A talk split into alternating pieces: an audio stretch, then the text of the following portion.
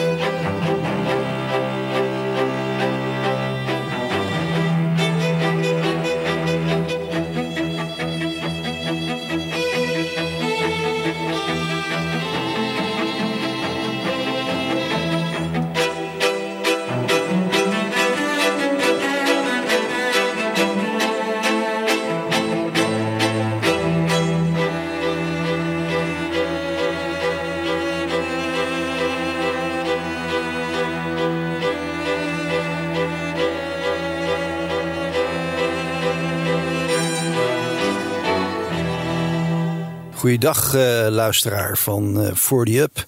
Dit is Stormy, helemaal gewijd aan de technicus Geoff Emerick, die op zijn vijftiende technicus werd bij Amy.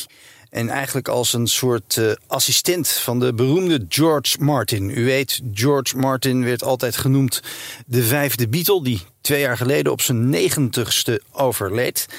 En ik bekijk nu een foto uit The Guardian, die eh, onlangs een artikel wijde. Een in memoriam aan, jo aan Geoff Emerick. En dan zien we daar staan Brian Epstein, de manager. Die door overmatig LSD-gebruik eh, in de jaren, eind jaren 60 overleed. En dan George Martin heel fanatiek en cool met een koptelefoon. En dan die technicus, die inmiddels eh, 17-jarige techni- technicus Geoff Emerick. bij de opnames van het werkelijk revolutionaire album Sgt. Pepper Hearts Club Band. En eh, ik druk het verkeerd uit. Het is Sgt. Pepper's Lonely Hearts Club Band. Dat had ik toch wel zo uit mijn hoofd mogen opzeggen, decimeren en declareren.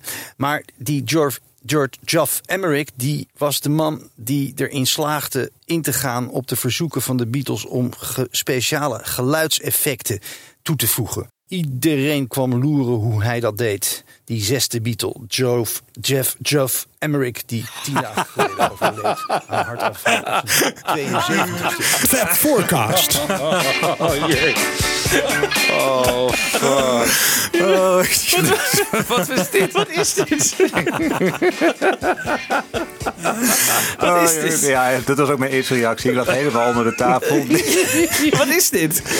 Dit, eh, ken je de stem niet, eh, Jan Kees? Nee, nee, vertel eens even. Ik heb echt tranen in mijn ogen, man. Het, eh, dit was eh, Felix Rottenberg, oud eh, PvdA-voorzitter. Ja, god. Ja. Ja, en die heeft een eigen radioprogramma bij de zender 40 Up. Ja. Stormy. Dus ik ging even in iTunes googlen op Jeff Emmerich, kijken wat ik tegenkom. En ik dacht van verdomd, hij heeft een hele themashow over Jeff Emmerich gemaakt. Of zoals je beter kunnen zeggen, Joff Jeff, Joff Emmerich. Zorg ervoor de geluidseffecten. Oh, dit is wel heel leuk. Ja. Ja. Bijzonder eerbetoon. Ja, een heel bijzonder eerbetoon. Ja. Toch wel gek dat we op deze manier beginnen met een, eh, ja, een doodshow noemen we het altijd, Ja. toch? Nou ja, Hij begint in ieder geval met humor. Nou, Hè? Dat inderdaad. kunnen we niet anders stellen. ja, oh, oh, oh. nou ja welkom Geweldig. eh, luisteraars. Goede eh, morgen, middag eh, of avond of nacht. Ja. U hebt het al gehoord, eh, er zit hier... Jan Kees. Ja, Kees neemt weer een slok. Ja, dit weer een slok, ja. En Michiel. En Michiel en Ja. Welkom Ja. allemaal. En eh, ja, we gaan het vandaag hebben over ehm, de Beatles en de dood in 2018. Onze eigenlijk jaarlijks terugkerende show. eh, waarin we even kijken naar eh ja, degenen die ons ontvallen zijn in eh, het Beatles-rijk. Dus allemaal mensen die een link met de Beatles hebben gehad. En die in 2018 zijn overleden. En aan het eind van de show gooiden we nog een top 2000 item in. Dus dan gaan we de top 2000 en de Beatles even een beetje analyseren. Met eh huisstatisticus Tom Goris. Maar dat later. We gaan eerst even ja, in 2018 duiken. Jongens, het viel op zich wel mee, hè? Ja. Met Ja. de doden. We hebben dramatische jaren meegemaakt. Ja, 2016 was natuurlijk echt het dramatische jaar. Ja. Met eh, David Bowie en Prince en George Michael. En, ja, dat hebben we dit jaar gelukkig eh, dan eh, niet gehad. Eh, maar ja, laten we even beginnen. Want het begon op eh, 2 januari, Michiel, Ja, met meteen al. Tony Kelder. Ik denk dat? Calder, Calder. Tony Kelder. Kelder, Tony Kelder. Twan Kelder. Ehm, Goed jongens, even genoeg medigheid. Ehm, hij was promotor van de eerste single van de Beatles, Love Me Do. En eh, hij overleed op 2 januari. Ik weet echt niet hoe oud hij is geworden. Weet jij het, Wiebo? En nee, weet ik eigenlijk ook niet. Nou, het zal Nou. ergens in de begin 80 geweest zijn. Ja. Ja. Ehm, nou, er wordt vaak van Love Me Do gezegd dat hij de 17e positie in de Britse hitparade wist te halen. doordat eh, Epstein eh, de stapels singles opkocht. Maar ik heb uh, Loes er nog even op nageslagen in Tune In. En die laat toch zien dat dat niet klopt. Dat juist die Tony Kelder een heel belangrijke eh, rol daar voor hem was weggelegd. Hij werkte eerst bij Decca en toen hij daar vertrok nam hij een adressenlijst mee van allerlei platenzaken. En die kregen singles aangeboden. En niet alleen platenzaken, maar ook eh ja, dancehalls. Dus hij was eigenlijk ook DJ. Hij draaide plaatjes in grote dancehalls en daar draaide hij af en toe Love Me Do. Eh, en met name ook in, de, in Londen, want dat was natuurlijk de, de belangrijke nieuwe afzetmarkt waar de Beatles moesten zien te veroveren. En daar heeft die, eh, die meneer Kelder een belangrijke rol in gespeeld. En eh, ja, zo dus eh, een belangrijke afzetmarkt was hij voor de Beatles. Hij heeft later eh, vooral veel met de Stones gewerkt. Nog een label opgericht, het Immediate Label. Waar ook de Ah, ja. Small Faces eh, op zaten. John Mayall's Blues Breakers, The, The Nice en Nico. Ja, een bekend label inderdaad. Ja. En eh, was ook korte tijd nog manager van de Stones. Oké, Tony Calder. Calder of Kelder. En in ieder geval, eh, een week later op eh, 9 januari eh, overlijdt Paul Goresh. Zegt die naam jou iets, Jan Kees? Nee, Nee. help me even jongens. Nou, dat is, hij staat bekend als degene die eh, de allerlaatste foto van John Lennon heeft eh, genomen. En eh, ook de beroemde foto natuurlijk met eh, de moordenaar van eh, Lennon erop. Die ja, in dat alle hij een heeft- Ja. Hij was eigenlijk ook zo'n ja, enorme Uber-fan, hè? Dan, eh, maar dan aan het andere eind van het spectrum. Dus die niet iets kwaads eh, in de zin had. Ehm, hij deed zich in de jaren zeventig ooit voor als eh, tv-reparateur. Op die manier probeerde hij dus de Dakota binnen te komen.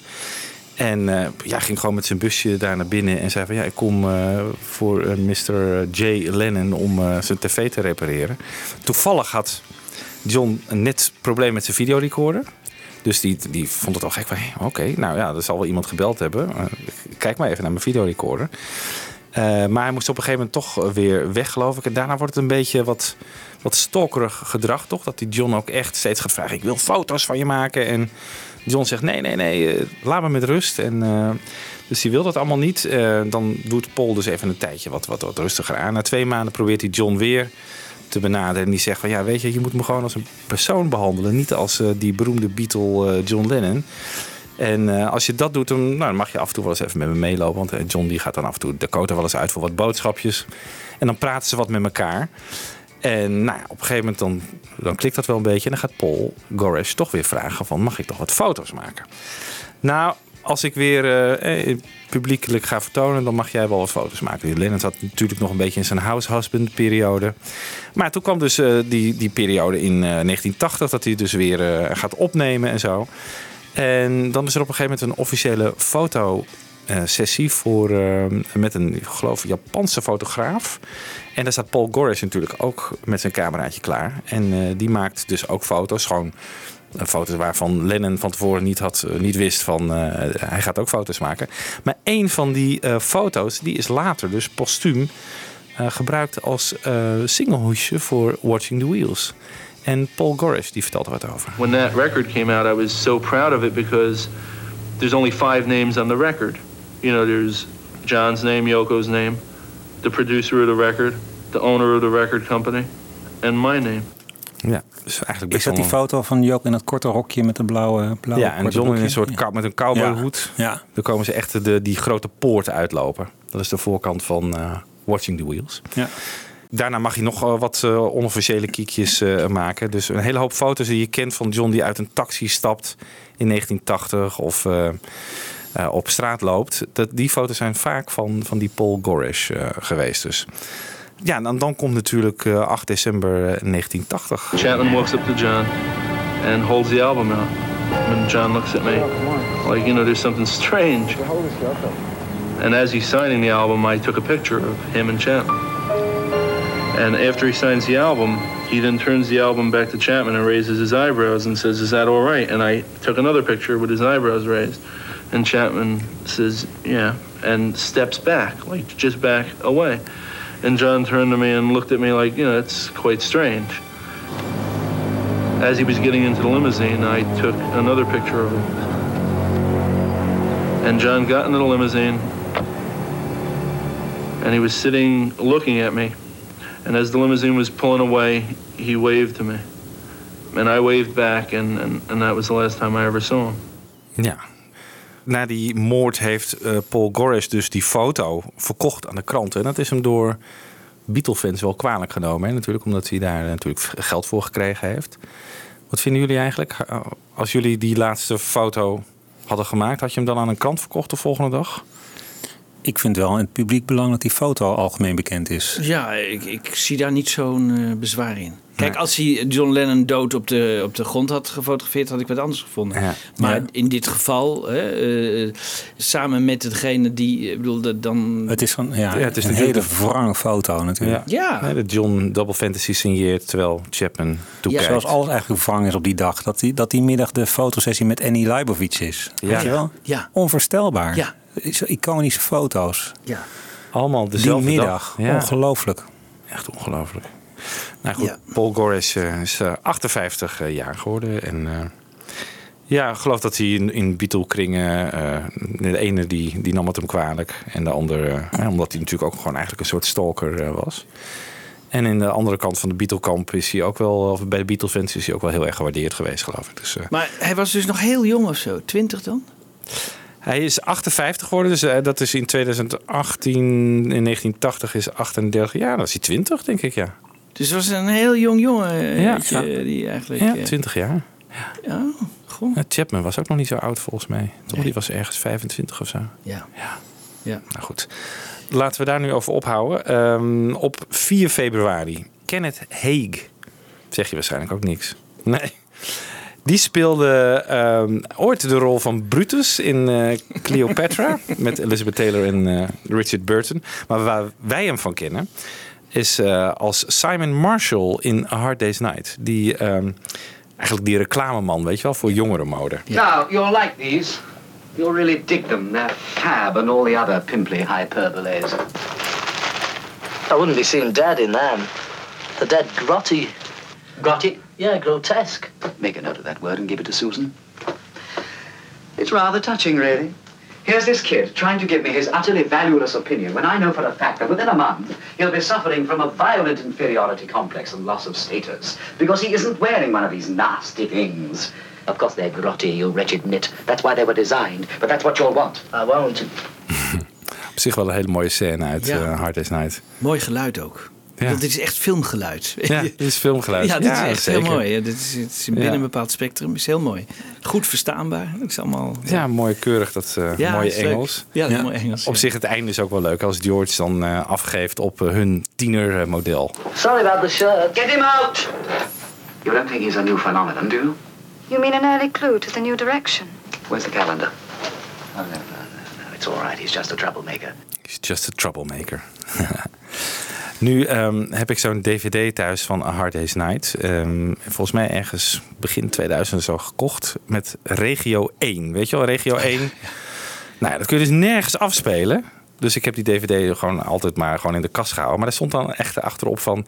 Ja, interview met de cast. En daar stond die Kenneth Heek dus ook bij. Dus ja, ik natuurlijk in mijn research. Ik wilde gewoon die quote hebben. Ja. Van Kenneth. Daar heb ik best wel veel moeite voor gedaan. Uiteindelijk op mijn werk eh, die regio-speler van... eh, of een dvd-spelertje los. Daar aangekoppeld aan mijn, aan mijn laptop. De regio-code veranderd. Dat kan je geloof ik maar een paar keer doen. Nou, ik denk, doe het voor deze keer toch maar. Want anders heb ik die DVD voor niks gekocht en nu komt hij van pas. Dus, ehm, en toen vertelde Kenneth Heek wat. En toen dacht ik, ja, dat is niet zo heel erg interessant. Maar ik heb er zoveel moeite voor gedaan. Ik ga die quote wel draaien. Dus even, Even doorbijten. even doorbijten, jongens. Doorbijten, ja. Want anders is al die moeite voor niks geweest. Ja. En ruim één minuut Kenneth Heek. I got cast because I was very close to the author of this film, Alan Owen. I'd done a lot of his work. Uh, I was also a busy actor around town, and uh, they wanted someone who could do it fast uh, because I was in a play at night. I knew he was going to write, in whatever satirical way, a comment on British stuffy London society. That's what the film is about. These boys wreck London. It's very important to know that, uh, that these lads are from Liverpool and the roots of that music. I'm an Irish fella from grew up in Yorkshire, and I find them something very basic and folk behind what they're doing, very northern to me. I mean it. There's something there that strikes a chord. Now, that chord, for instance, you can hear in Kentucky or West Virginia. Folky, Irishy.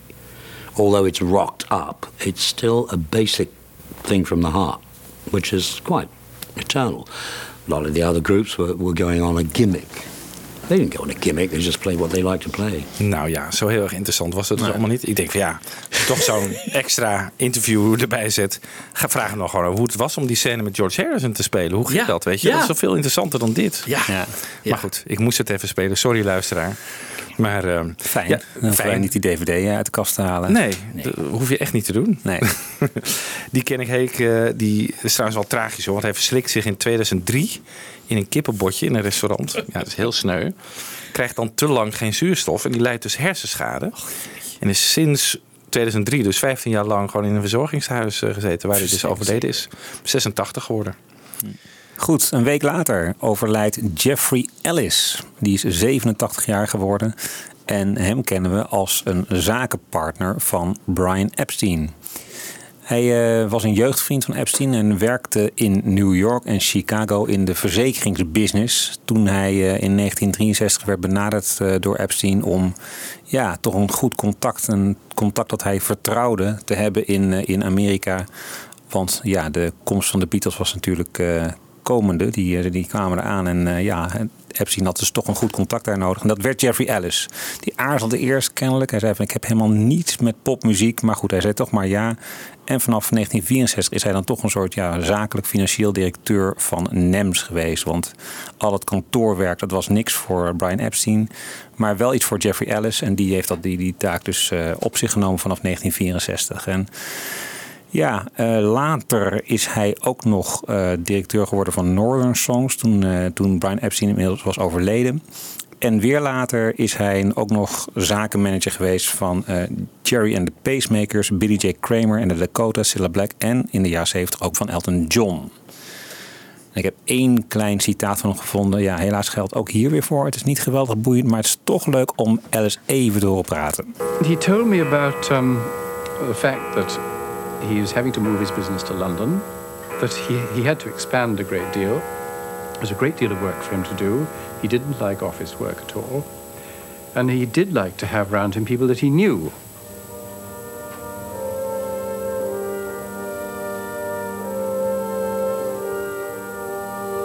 He said that there were a number of people, lots of people in London, who would love to come and work for the management of the Beatles, but he was very leery of a lot of people's motives in this respect. So I agreed that I would come and work for him. I knew nothing about pop music, the music business, the entertainment business. I didn't like pop music. Maar toch ging hij het doen dus. De juiste man op de juiste plek. Ja.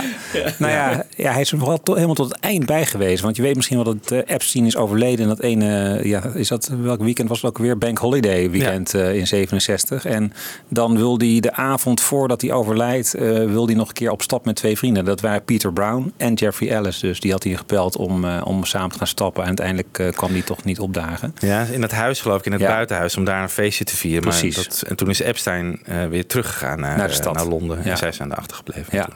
Daar was hij dus ook bij. Ja. 87 jaar geworden zie ik hier. Yes. 11 maart, een maandje later. Ken Dodd. Een komiek. Grootheid in eh, de UK. Komt ook uit Liverpool. Ken jij hem, Jan Kees? Ja, ik, heeft hij niet ook met de Beatles ooit wat... eh, eh, Zeker. want de, ik, ik kan me zoiets herinneren. Met, vooral in, uit 64 of zo, of uit die tijd 63. Ja, klopt. Ja. Ze zijn een keer bij hem in de tv-show geweest. Maar die, Ja. die, die Ken Dodd ja, heeft ook iets muzikaals eh, bereikt. En dat is eigenlijk best wel bijzonder. Dat wist ik helemaal niet. Het nummer Tears van Ken Dodd. Ooit wel gehoord? Dat is namelijk ehm, een enorme hit geweest in 1965. Stond eh, vijf weken op één. En het was toen de grootste eh, hit in eh, Engeland van dat jaar. Eh, meer dan een miljoen exemplaren verkocht alleen in, in Engeland. En het is het derde best verkochte single van de jaren 60. Tears. Ik had er nog nooit van gehoord. Het is toch echt bijzonder. Dus laten we even een kort fragmentje van het nummer horen.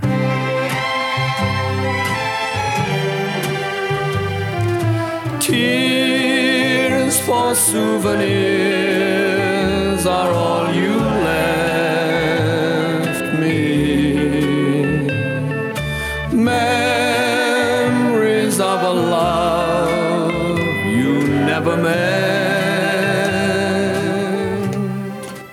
beetje Engelbert Humperdinck eh, niveau, denk ik. Maar dat het zo'n grote hit is geweest, joh, is ongelooflijk. Het is nog steeds een van de best verkochte singles eh alle tijden in Engeland. Maar goed, dan eh, de link met de Beatles. Ze kwamen allebei natuurlijk uit Liverpool. En ehm, je had in 1963 een, had een eigen radioshow op de BBC, de Ken Dodd Show. Daar hebben de Beatles She Loves You gespeeld. Maar eh bekender is dan waarschijnlijk het tv-interview op eh, 25 november 1963. Dat was voor het programma Late Scene Extra, Scene at 6.30. En die beelden van I Wanna Hold Your Hand and This Boy, die kennen we allemaal wel. Want dat eh, heb je van die Liverpool Echo, van die krant. Die vormen dat dan dat decor. Het zijn ook die beelden die George Harrison in de jaren 70 dan op zo'n klein tv'tje ziet. Misschien ken je die beelden. Het zijn hele mooie beelden. En eh, daarna eh, is er dus een interview met de Beatles. En daar zit die Ken Dodd ook bij. Dat is echt wel heel grappig. Have you no ambitions to form a group yourself? Love to. Love it with the boys. Yeah. Kenny and the Well, no, I mean, Cockroaches. I, Kenny and the Cockroaches. Or Doddy and the Diddy Man. yeah. wh- What about yourself? Would you? Would or you, Ringo and the you not Layabouts. We could- Would you not form one yourself, Ken? yes, I'd like to, yes, because uh, the only thing is I'd have to change my name, you see. I'd have to have a name like Cliff or Rock, something earthy. Well, I don't know, eh? Cliff Dodd. No. Rock Dodd? No, let's invite suggestions for an earthy name for me. Yeah. Well, what about that fellow? Eh? Sod.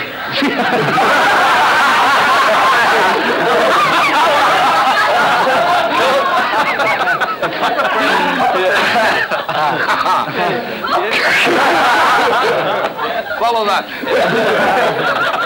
Ja, Ken is dus op zoek naar een eh, artiestennaam. En dan zegt George op een gegeven moment heel droog... Sod. En dat betekent dus eigenlijk gewoon, eh, ja, lul. Daar werd dus zo om gelachen.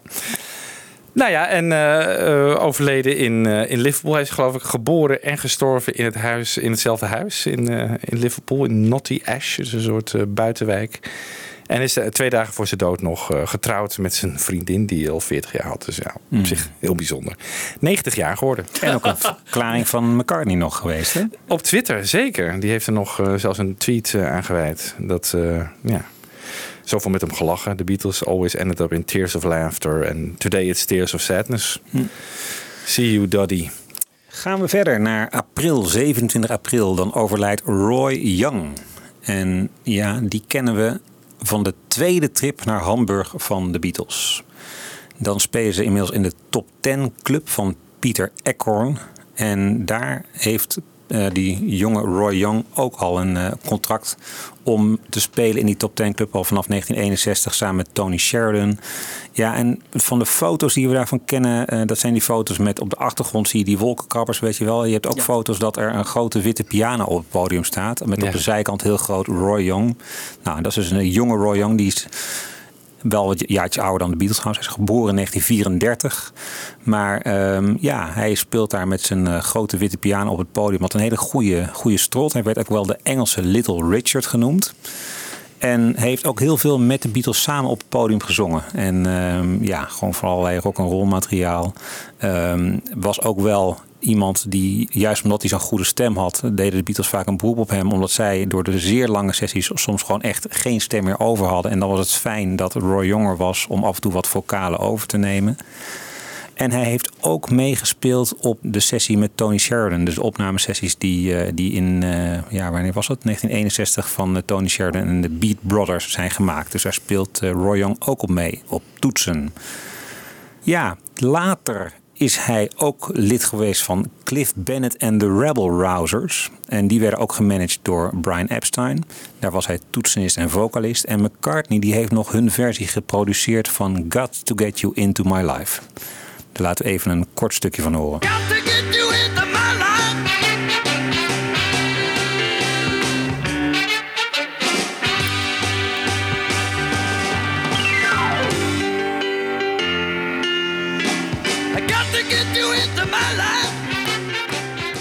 Goed, dit was eh, een van de grootste, een van de, ja, ze hebben geloof ik twee of drie grote hits gehad. Dit was er één van, dus met eh, McCartney achter de productieknoppen.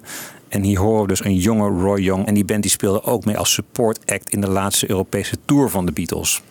Nou heeft die eh, Roy Young, eh, ja, je kunt hem ook nog wel op Spotify vinden. Hij heeft ook wel wat, wat een soort ja, rock'n'roll plaat gemaakt. Ehm, maar eh, vooral aardig vond ik zelf een kort interview met hem op het internet. Waarin hij het heeft over een incident tussen hem en John.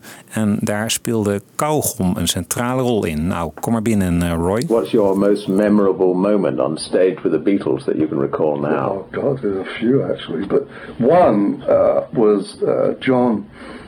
John would always chew gum, and I always mesmerized me. I, I was sort of like watching him chew gum because we both sing on the same microphone. But he would sing with chewing his gum, you know, and, and he'd look over at me like oh, over his glass and smile. And one night he's he's grinning, and we're vocalizing. He's grin, grinning away, and I'm looking at him. I said, "What are you laughing at?" And he's oh, he was going, "No, no." You know. So anyway, he's got this chewing gum, and suddenly he spit it out. We were going, Chew out, you know, whatever it was, and he spit it out, and it hit me on the nose, the gum, and it stuck there. So I, I actually looked like Pinocchio. It was sticking on my nose. It was Paul and George. They, looked over, and they, they they fell on the floor. The thing that happened was every night he tried to do the same thing. And it, it would be like a big bundle of spit hitting me in the face, and the gun was flying over there, flying over there. Course, that became the funny thing. When he would decide to spit the gum at me, I'd be kind of going, oh, no, no, no, and then it would pop, pop, you know, out come with the gum. Ja, en dat ze, veel mensen zouden een moord voor doen dat John Lennon ze zouden bespugen. Dus eh, dat heeft hij, hij me meegemaakt. Ja. Was er ooit ook nog niet dat hij lid van de Beatles zou worden? Heeft Ja, zijn het niet? klopt. Ja, nou, nou, dat is een beetje een verhaal wat niet helemaal in Lewison relativeert dat ook weer. Het is meer zo dat eh, Brian Epstein, die heeft hem op een gegeven moment ook benaderd om te weten van, ja, waar zou ik nou een goed eh platencontract voor de Beatles kunnen tekenen? Hoe moet ik dat aanpakken? Daar heeft hij Roy Young op een gegeven moment over eh, geraadpleegd. Ja, Roy Young wist dat ook niet. Die had dan gewoon een contract lopen in de Star Club waar hij tot 1964 zou werken. Dus hij had het antwoord eigenlijk van nee, dat weet ik niet. En daar is later van gemaakt dat hij zou zijn gevraagd om lid te worden van de Beatles. Maar ja, wacht even, de Beatles die waren eh, minimaal eh, zes jaar eh, jonger dan hij. Dus en no way dat ze geïnteresseerd waren in iemand die, ja, wat, wat, ja, die zo oud was en dan een extra toetsenist of zo. Daar had ze helemaal niets mee. Dus dat is niet echt realistisch. En hij heeft dat zelf ook nooit beweerd overigens, dat, eh, dat Brian Epstein dat zou hebben gevraagd. Nou, mooi. Ja. Dat is ook weer duidelijk. Twee maanden later, 13 juni, heb ik hier staan. DJ Fontana. 87 jaar. DJ Fontana is natuurlijk de, de drummer van Elvis eh, Presley in de jaren 50. Kwam er in 1955 bij, al bij eh, Scotty Moore en eh, Bill Black. En heeft op in totaal 460 opnames van Elvis meegespeeld. Voornamelijk dus in de jaren 50. Ehm, daarna in de jaren 60 eigenlijk niet. Toen had Elvis eh, andere bandleden. Hij is in die comeback special in 1968. Toen eh, was DJ eh, van de partij. Je kent dat waarschijnlijk wel. Elvis is een zwart leren pak met een gitaar. En dan zingen ze wat rock and roll nummers. En dat was meteen de laatste keer dat hij met de Elvis speelde. Maar ja, hij, goed, hij was gewoon de drummer op die legendarische vroege opnames van Elvis natuurlijk. En toen er in 2001 zo'n Sun Records project was, toen heeft Paul met DJ Fontana en met Scotty Moore dus eh, That's Alright opgenomen. Nou, nu is dat al een keer voorbij gekomen in onze doodshow van denk ik twee jaar geleden, of misschien vorig jaar. Heel kort komen we nog even op terug. Even een heel kort fragmentje van eh, datzelfde fragment van de vorige keer. You ready to go, guys? Yeah. One, two, three. I'm sorry. Oh, sorry. Oh, sorry, man. Yeah. Oh. One, two, three. Okay. You want us all both of us, one each. Okay, a mistake sorry. each. Now, no laughing and joking, guys. This is serious. This is Oh, yeah. work, okay? You know, so don't want you like, you know, start goofing off on me. I'll try my best. Here we go. Oh, one, two, three.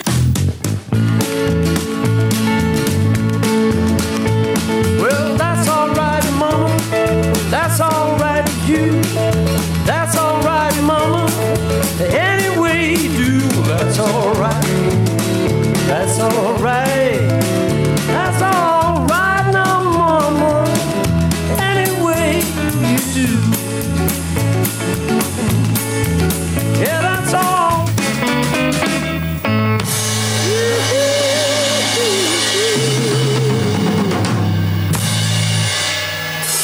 Thank you very much, ladies and gentlemen. It's lovely to be here. We're gonna set up. We're just like a group, man. Get a job, we'll go on the road. We'll get a bus. Dat was dus DJ eh, Fontana. Die met eh, Paul eh, een busje wilde kopen en op tournee, tournee wilde gaan. Ja, lekker hoor, die Sun Sound. Het is trouwens niet in de Sun Studios opgenomen. Dat vind ik dan wel weer, weer een beetje jammer. Daar ben je geweest, toch? Of niet? Ja, zeker. Ja, zeker ja. Ik heb DJ Fontana ooit ook een keer ontmoet. Want ik had vroeger een buurjongen. Die nog steeds mijn beste vriend is. En eh, die was helemaal Elvis-fan. Dus we zijn een keer naar een Elvis-dag geweest met z'n tweeën. En daar was DJ Fontana te gast. Dus eh, ergens in een schoenendoos bij eh, zijn ouders op eh, zolder, mijn oude buren. Dus moet er nog een, eh, een foto van mij eh, en DJ liggen. Voor de site. Ja, inderdaad. Moet ik eigenlijk even doen. Dan 1 juli. 1 juli overlijdt Roy Carr. En die kennen van het legendarische duo Tyler en Carr van het boek The Beatles Illustrated. Record, ja. ja, ja, de eh, Illustrated Record, Record, natuurlijk. Ja, ja. natuurlijk ja. Eh, journalist en ehm, ja, werkte voor NME en veel andere bladen. Schreef veel boeken, ook over de Stones. Was ook nog lid van een band korte tijd. De Executives, die nog in het voorprogramma van de Beatles en de Stones zelfs hebben gestaan. Zelf hebben gestaan. Eh, maar goed, dus vooral bekend van dat ene grote Beatles-boek op platenformaat. eh, dat met name bij eh, fans van een bepaalde generatie zeer geliefd is. Dat merkten we weer bijvoorbeeld bij onze eigen show met Pindervoet en Henkes. Ja. Die zelf ook ja, iets van zes of zeven keer uit dat boek citeren. Dus ja, zoals ik een beetje Revolution in the Head in mijn brein gegrift heb staan. Zo hebben, dit heeft de generatie voor mij dat toch heel vaak met dat boek van Carr en Tyler. Ik heb het nog even nage- nageslagen. Het, boek is in 1975 verschenen. Aardig is dat Lennon er ooit een keer een correctie op heeft aangebracht. En daarbij een, eh, een briefje voegde voor de beide auteurs. En daar een, eh, daarbij aanmerkte: Set the illustrated record straight. Omdat er een, eh, kennelijk een, een foutje in stond. Ja, wat valt mij op aan het boek? Ja, waarom wordt het zo gewaardeerd? Is eigenlijk omdat, het zo'n duidelijke mening geeft over van alles en nog wat. Hè. Dat was eigenlijk niet een manier waarop men destijds al over de Beatles schreef. Maar ja, toch wel ehm, moeilijk om het altijd mee eens te zijn. Ik even, even een paar opvallende citaten uit dat boek. Over She's Leaving Home zegt ze... Het laat een wat sentimentelere kant van zijn in wezen burgerlijk talent horen. Het behoort tot de song die door zijn jaren achterhaald is. En ofschoon het vakkundig in elkaar is gezet... blijft er toch niet veel meer over dan, van een, dan een smartlap. Zegt ze over She's Leaving Home. While My Guitar Gently Weeps, een majestueus en zwaarmoedig werkstuk van epische afmeting, maar zijn andere songs vallen helaas onder de rubriek te verwaarlozen. Dus, nou ja, goed, nog wel, wel te spreken over While My Guitar, maar niet over het Hmm. andere werk van George op de White Album. All Things Must Pass zijn ze ook heel negatief over. Schrijft in 75 over, vijf jaar na verschijnen. Het album heeft de tand destijds niet goed doorstaan op Ram, een tamelijk middelmatige plaat. Behangselmuziek om naar te luisteren in een zaal met pleisterwerk aan de muur. En het riekte duidelijk naar huiselijke gezelligheid. Het soort atmosfeer dat elke creativiteit verlamt. Nou ja, Halleluja. ja, dat soort teksten. En ik denk eigenlijk ook heel vaak... hoe kan je nou in 1975 schrijven... dat een album de tand des tijds niet goed heeft doorstaan? Dat is gewoon, je, bedoel, dat is Ja. een oordeel dat je gewoon nog niet kan geven. Een ander besef van tijd. Toen gingen veranderingen veel sneller natuurlijk. Ja. Toen was, ja, nou ja, In de muziek bedoel je? 1967 was eh, 1963 natuurlijk ook al echt de oertijd. Dat was Ja. ook al heel lang geleden, maar het is maar vier jaar daarvoor. Ja. Dus ja, dat klonk misschien toen al wel gedateerd. En ja, misschien gold dat voor dit ook wel. Ja. Maar goed, Joh. ja, Ach, de- ja. ik denk dat het de tand destijds niet eh, goed is geweest voor dit boek, eerlijk gezegd. Nee. Nee. Toch? Nee. Nee. nee. Ik vind het ook zelf een onmogelijk formaat, eerlijk gezegd. En ik vind ook heel vaak dat de, de recensies zijn heel erg algemeen, weet je wel. Dus je, leest nooit over RAM van de lichtpuntjes of zo. Dan, dan wordt bijvoorbeeld alleen maar, ja, wordt één nummertje uitgehaald of zo. Maar je leest niks over Dearboy of over Nee. Backseat of My Car. Terwijl dat toch allemaal inmiddels allemaal erkend is dat het... Heb, je, heb jij het boek eigenlijk? Ja, ja, ja, ik heb het. Ja. Ja. Ik heb het ook, maar het valt uit elkaar op een Ja, ik heb het ook. eh, Ik heb- pakte deze week erbij en toen viel het ook uit elkaar. Ja, slecht van die slechte lijm. eh, Ja. van die. Dat ook nog. Ja. Nou, hier. Ja. Wat een waardeloos boek. Roy Carr is overleden eh en 73 jaar geworden op 1 juli. Ja. Dan eh, ja, 16 augustus, dat weten we waarschijnlijk allemaal nog wel. eh Rita Franklin, 76 jaar. Ja, we hebben gezocht naar een link, maar die is er niet echt. Eigenlijk helemaal niet. Volgens mij zijn ze niet echt in contact met elkaar gekomen. Misschien dat, dat John haar nog een keer ontmoet heeft in eh, LA in die tijd, maar dat weet ik ook niet zeker. Maar ze heeft natuurlijk wel een prachtige cover van Eleanor Rigby eh, opgenomen. En laten we die nou eens even gaan draaien.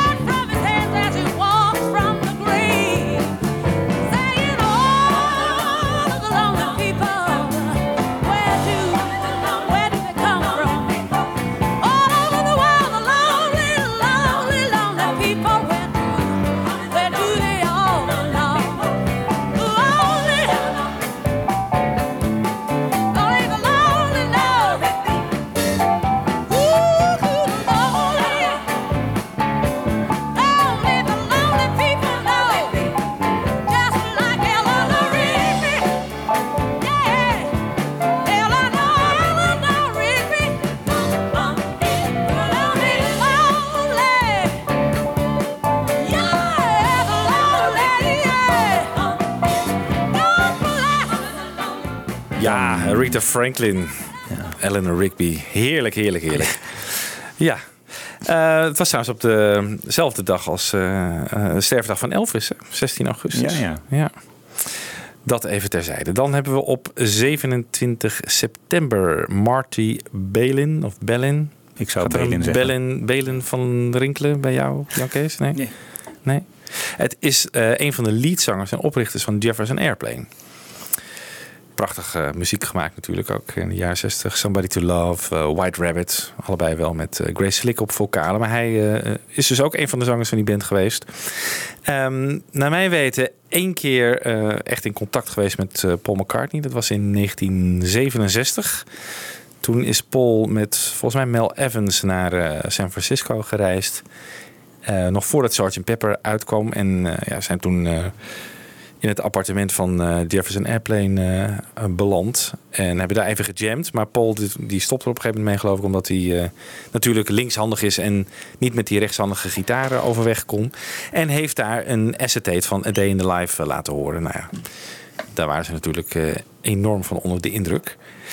En wat op zich wel opvallend is, ehm, dat Jefferson Airplane eigenlijk al op 7 december 1968, dus anderhalve maand voordat de Beatles dat deden, een concert op het dak hebben gegeven in New York City. En die beelden zijn ook eh, op YouTube te zien. Het is ook echt gewoon. Ik heb vandaag even gekeken. Het is ook gewoon een, een, een pand in een eh, straat. Allemaal hoge gebouwen. En dan staat gewoon Jefferson Airplane daar te spelen. Mensen die vanaf de straat naar boven kijken. Mensen die uit de balkons hangen. Dus het is En eigenlijk dat gewoon... wisten de Beatles? Hebben die Nou, dat is dus een beetje de vraag. Hè? Want het is anderhalve maand daarvoor. Ik weet niet hoe snel dat soort verhalen destijds gingen. Ja, Beatles hebben het eigenlijk dan misschien toch wel gekopieerd of hebben ervan gehoord. Ja, je, je weet het niet. Misschien is het ook toeval. Ik vond ook nog dat Grateful Dead op 10 augustus 68 ook een concert op een dak heeft gegeven, in, ook in New York, Chelsea Hotel. Eh, dat dan weer voor Jefferson Airplane geweest zou zijn. Nou ja, goed. De Beatles waren in ieder geval niet de eerste met een concert op het dak. Wel het meest legendarische natuurlijk. Dan een paar dagen later, 1 oktober, Charles Aznavour op eh, 94-jarige leeftijd. En eh, ja, ook geen connectie met de Beatles te vinden. Op één na in Desert Island Discs op eh, de BBC radio. Dat kennen jullie waarschijnlijk wel. Hè? Dat is, eh, mag je een paar platen meenemen naar een onbewoond eiland. En een van die platen die hij kiest is eigenlijk wel opvallend. Is weer dat eh Eleanor Rigby. And that brings us now already to your last record. What's that? Well, unusual in this kind of uh, of selection, I don't think too unusual, because it's uh, from the Beatles. It's Eleanor Rigby, and I think now we can talk about the Beatles as a classical writers and singers. De Beatles. Leuk, leuk, leuk. Ja, toch? Ja, want eh, ik zocht nog naar verbandjes tussen Beatles en Asnavour, maar die vond ik niet. En eh, dit is het toch leuk. Leuk. Ja. Ja. Ja, overal vind je dan, eh, als je zoekt op Beatles en Charles Aznavour, eh, Yesterday When I Was Young. Maar ja, Ja. dat is een totaal ander nummer natuurlijk. Ja. Dus daar heb je dan niks aan. Nee, nee. Nee. Ja, dan bij ja, de, eigenlijk de grootste Beatle-gerelateerde dood. Op 2 oktober, Michiel. Ja. Joff, Jeff, Joff Emmerich. Joff Emmerich. Sorry voor de geluidseffecten bij de Beatles. Ja. Ja, ehm, hij werkte vanaf 6 juni 1962, dat was zijn tweede dag bij Amy als, als assistent-engineer. Ehm, goed, Jeff Emmerich. Overlijdt op 2 oktober eh, op 72-jarige leeftijd. En eh, ja, ehm, hij heeft, valt helemaal met zijn neus in de boter. Want op 6 juni 1962 is zijn tweede dag bij EMI als assistent-engineer. Eh, dus de technische man zou je kunnen zeggen. Ehm, ja, dan nog natuurlijk nog maar een, een broekie. Maar dat is de dag dat de Beatles met Ringo Starr achter de kit Love Me Do opnemen. Daarna assisteert hij ook nog bij She Loves You en I Want to Hold Your Hand. En daarna is hij even uit zicht. Hè. Dan moet hij even een paar jaar. ehm, eh, ja, is, is natuurlijk Norman Smith, de grote technische, technische man, de engineer van Beatles platen. Ja. Maar ja, het komt weer helemaal goed. Want in april 1966 eh, wordt hij terug, eh, teruggebracht. Wordt eigenlijk door George Martin eh, weer naar de Beatles toegetrokken. En dat is ook precies op de dag dat de Beatles Tomorrow Never Knows opnemen. Ja, en eh, daar maakt hij zoveel indruk op, eh, op de Beatles met hoe hij ja, toch gehoor kan geven aan de wens van Lennon om zijn stem te laten klinken als de Dalai Lama die vanaf een eh, bergtop eh, zingt. En dat weet hij te doen door een microfoon te plaatsen in een Leslie speaker. Zeg ik het zo goed, John Kees? Ja. Ja. Nee, de, zijn microfoon via de Leslie speaker te laten. Ja. eh, Ja, die zit dan in zo'n Hammond eh, Ja. orgel. Ja, ja. en dat precies. neemt hij weer op en dan krijg je een heel vreemd effect. Ja, maar dat niet alleen. Hè. Ik bedoel, ja, hij is natuurlijk eigenlijk toch verantwoordelijk voor hoe wij de Beatles, ja, waarom de Beatles zo verdomd goed klinken al vanaf 1966 en waarom we nog steeds zo, eh, ja, ook van remasters zo kunnen genieten. Dat het allemaal zo puik opgenomen. Dat danken we eigenlijk allemaal aan, aan, eh, aan Jeff Emmerich. Maar ook ja, revolutionaire technieken, niet alleen maar in Tomorrow Never Knows wat betreft de stem van Lennon, maar ook in dat nummer als het gaat om de drumsound, denk ik, van Ringo Starr, die heel fel en enorm eh, prominent is.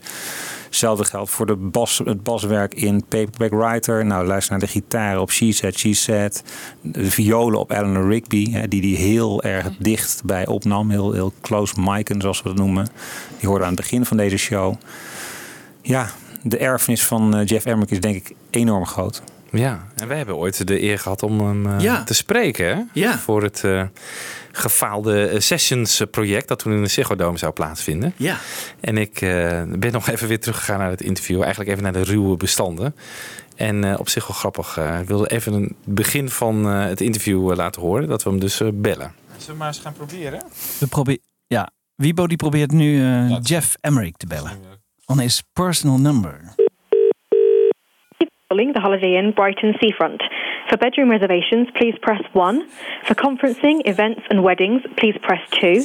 To speak with our Christmas coordinator, please press 3. For car parking information, please press 4. Hello. Hello? Hello. Hello, this is Wibo from the Netherlands. Oh, hello. How are you? Uh, I'm fine, thank you. How are you? Oh, I'm fine. This is Jeff Emmerich. It's sh- sure is The one and only. Okay, great. the one and only, right? One of my co-hosts is called Jan Kees. Hello, Right. Mr. Hello, Mr. Emmerich. Hello. And the other one is on the phone. He couldn't be here, but he's on the phone. That's Michiel. Hello. Hello. well, I do a, a short introduction in Dutch, and and then uh, we will introduce you, and uh, of course uh, we will talk in English. Okay, but, great. But if you prefer to talk in Dutch, that's okay. No, Okay. I can't speak Dutch, no. Oké, great. Ja, dat soort dingen zitten dus eh, aan de voorkant van eh, het echte interview om even kennis te maken. Dat is op zich wel grappig toen ik dat hoorde. Ja. En ehm, dan ging dat, dus dat, dat interview ging over die sessions eh, en eh, wat hij daarvoor eh, betekend had. Hè. En het was op zich een heel leuk interview. En op een gegeven moment op het laatst, toen wilden we nog wat, gewoon wat, wat brandende vragen stellen. En Jan Kees natuurlijk heeft, zit altijd met dat koortje van Paul en George in die anthology versie van eh, Strawberry Fields. Waarom hij dat er natuurlijk destijds had uitgelaten. Nou, eh, en het ging over de sessions, eh, LP en zo. En eh, ja, op zich zegt hij daarin iets waarin hij zich later eigenlijk wel, of daarvoor eigenlijk al wel gekenmerkt heeft. Namelijk dat zijn geheugen hem in de steek heeft gelaten. I think this one was made for sessions, wasn't it? Uh, that you, that you. Um, yes, it could be because that, that was never issued, was it? No. No, no. No, I can't. I, c- I- yeah, I mean, I, I, I, I mean, I can't remember to be honest with you. I mean, uh, I really can't. I, I, you know, because I, I, the Sessions album I just did alone. There was no in, no involvement with anyone else. So there's obviously a reason. Um, what, yeah, I, I don't know. I don't know. Ja.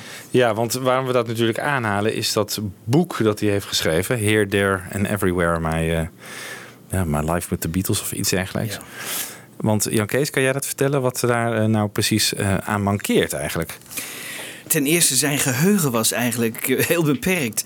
En eh, hij, hij wist niks meer. Dus toen heeft hij eh, allerlei technici benaderd en gezegd van... Goh, help me nog eens even, want ik, ik, ik wil weten hoe dat zat. En vervolgens heeft hij dat als zijn eigen geheugen gebruikt. Dus hij heeft de, me- de, de herinneringen van andere technici... En die waren natuurlijk helemaal niet blij daarmee. Hè? Nee. En, en die waren zelfs gepikeerd. En, en, en dat, dat heeft veel kwaad bloed gezet. Plus nog eens een keer dat hij, dat hij George Harrison heel erg in een hoek heeft neergezet. En, en George kon niks. En de- iedere keer moesten ze wachten op George. En hij heeft dat heel erg aangezet. Dat heeft ook weer kla- kwaad bloed bij McCartney gezet. Ook George Martin trouwens, is hij ook negatief over. En dat heeft ook kwaad bloed elkaar niet gezet. Ja, ja. Ja, dus McCartney is echt jaren daarna niet met hem omgegaan. Hè? Die heeft hem echt, eh, dan zat je op het strafbankje. En dan mag je blij zijn bij McCartney dat je er nog ooit afkomt. Hè? Want eh, er zijn voldoende mensen die dat niet. eh, hè? Hunter Davies, Peter Brown, ik noem maar een paar. Die mogen nooit meer iets met McCartney te maken hebben. Of Hunter doen. Davis ook niet? Nee, want... eh, Wat dat- heeft hij gedaan Nou, dat was met die pik-affaire. hè. Want toen eh, had, had hij een eh, telefoongesprek met Hunter Davies. Al ver nadat het boek was uitgebracht. Maar Hunter Davies wilde een hernieuwde uitgave doen. En die heeft McCartney opgebeld. Maar niet gezegd dat het voor een nieuw boek was. Hè. En toen spraken ze als vrienden onder elkaar over Lennon. En toen zei McCartney tegen Hunter Davies... ja, hij kon ook als een varken zijn. Hè. En hij, kon, hij had ook een hele andere kant, deze John. En dat heeft hij... Maar dat was niet de bedoeling van McCartney. Die zou zoiets nooit zeggen als zoiets gepubliceerd Nee, werd. nee, nee, nee. En dat heeft hij wel gepubliceerd. En vervolgens was McCartney natuurlijk furieus. Ja. En die is heel boos. En die zegt dan nooit meer iets met zo iemand te willen te maken. maar met Jeff Emmerich is het nog wel goed gekomen. Omdat Ja. McCartney zelf niet werd aangevallen. Hè. Die werd verheerlijkt zelfs in het boek. Dus eh, daar kon McCartney dan eh, nog redelijk mee leven. En omdat George Martin ook nog langere tijd ook met Jeff dan wel wat dingen heeft gedaan. Hè. Maar eh, het ging allemaal niet meer van harte. Nee, Nee. het was echt... Het maar problematisch van het boek is inderdaad dat je eigenlijk hetzelfde probleem hebt als met het boek wat Alan Williams heeft geschreven. Ook met een ghostwriter. Eh, weet je wel, de man who eh, the Beatles. Ja. Ja. dus je moet eigenlijk op een gegeven moment als je als eh, historisch onderzoeker moet je die ghostwriter gaan interviewen van wat heb jij verzonnen en wat is er nou echt gebeurd. Ja. Ehm, Om precies te weten wat, wat er nou wat er klopt en wat er niet klopt. Ja. Zo beweert Emmerich bijvoorbeeld ergens dat eh, Lennon toen hij Revolution Number 9 eh, had opgenomen, zei: Ja, zo moeten de Beatles, zo moet alle muziek van de Beatles vanaf nu gaan klinken. Wat een heel prachtig citaat is. Maar ja, omdat het in dit boek staat en je weet dat die ghostwriter erbij zat en dat het geheugen van Em- Emmerich niet al te sterk was, moet je dus gaan betwijfelen van ja, klopt dat nou wel? Hè, Is dat Ja. nou echt zo? Ja. Ja. En daarbij staan er ook heel veel feitelijke fouten in natuurlijk. Ja. Eh, Die, die gewoon debiel zijn. Ja. Over, over Blackbird Ja. en, en de vogels. Ja, de vogels van buiten Ja. en dat soort dingen. Dat is echt... eh, Gewoon zonde. Ja, zonde. Ja. Ja. Het is een reputatie echt heel erg geschaad. Ja, klopt. Ja. En Ken Scott is eigenlijk ook heel erg kwaad geworden. Oh, hè? die is heel kwaad. Ja, die, wil, die wilde helemaal niks meer met hem te maken hebben. Nee. Nee. Dus dat heeft veel, heel veel eh, kwaad bloed gezet. Ik vind hem ook als producer vind ik hem heel slecht. Hè. Als technicus vind ik hem eh, echt was hij in zijn tijd heel goed. Hè. Maar als producer hè, van sessions bijvoorbeeld, nee, dat, dat had je hem niet moeten laten doen. Je bedoelt dat hij gewoon dingen gaat knippen en gaat monteren. Ja, ja, Ja, ja. ja.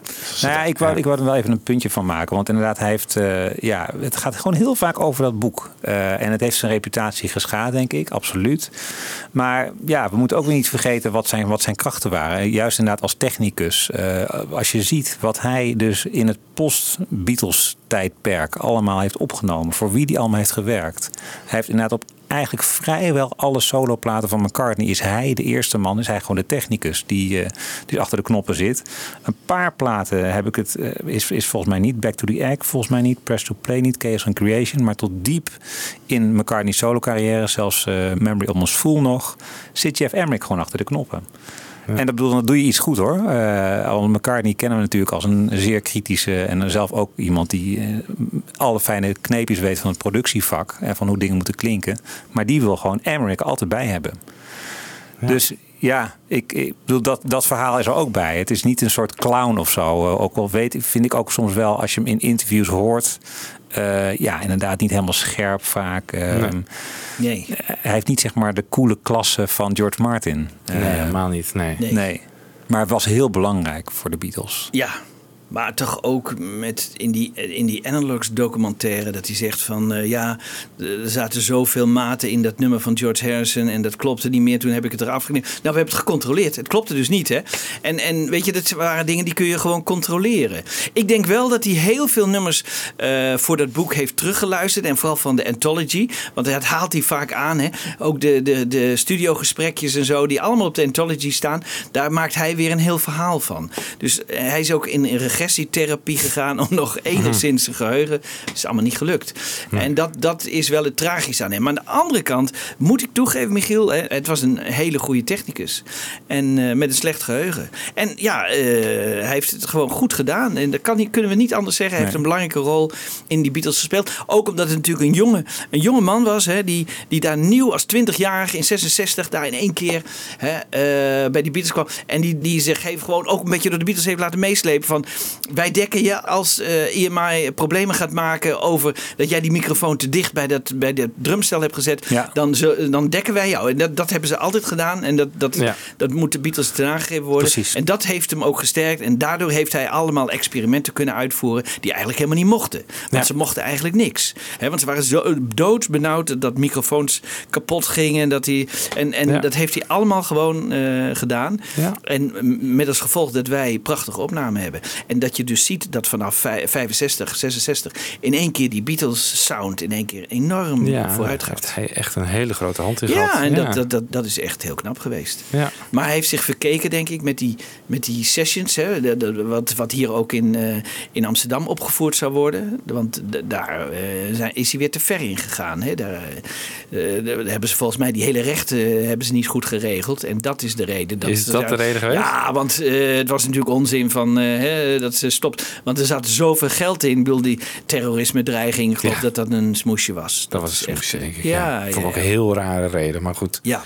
Ja, Ja, ik vind het wel jammer dat we het nooit hebben gezien. Ja, ik, ik ehm, wou misschien nog een paar dingen zeggen over, de, ja, over zijn, zijn post-Beatles werk. Ik bedoel, ik snap ook wel een klein beetje dat je geheugen in de steek laat als je ziet gewoon hoeveel hij heeft gedaan, met hoeveel artiesten hij heeft gewerkt. En voor hem was in het session, bijvoorbeeld in 83, was gewoon een van de talloze productieklussen die je doet. En natuurlijk weet je dan misschien niet helemaal meer van, oh, wat heb ik met Strawberry Fields gedaan? Ja, weet ik veel. Eh, Daar daar kan ik me best iets bij voorstellen. Ja, maar dan gebruikt hij het ook nog eens een keer in Anthology. Hè? Dus dan, dan hoor je het opnieuw. En de Beatles, weet je, is toch wat anders dan een, een gewone groep. Ja. Hè? Het, het is, ik kan me bijna niet voorstellen dat je dat niet onthoudt. Weet je, Beatles was voor hem ook eh, core business. daarom heeft hij eh, zijn grote, daarom had hij zijn grote bekendheid. Daarom heeft hij eh, verkocht zijn boek zo goed. En alleen maar omdat het over de Beatles ging. Dus hij moet dat toch allemaal ook meerdere keren beluisterd hebben. En dan valt het me op dat je dat niet weet. Ik, bedoel, ik kan me voorstellen dat hij niet alles van de Beatles meer weet. Maar als je zelf gaat monteren en produceren en, de, en zelf nummers van Beatles helemaal gaat bewerken, dan moet je daar toch Ja. zeker wel wat van weten.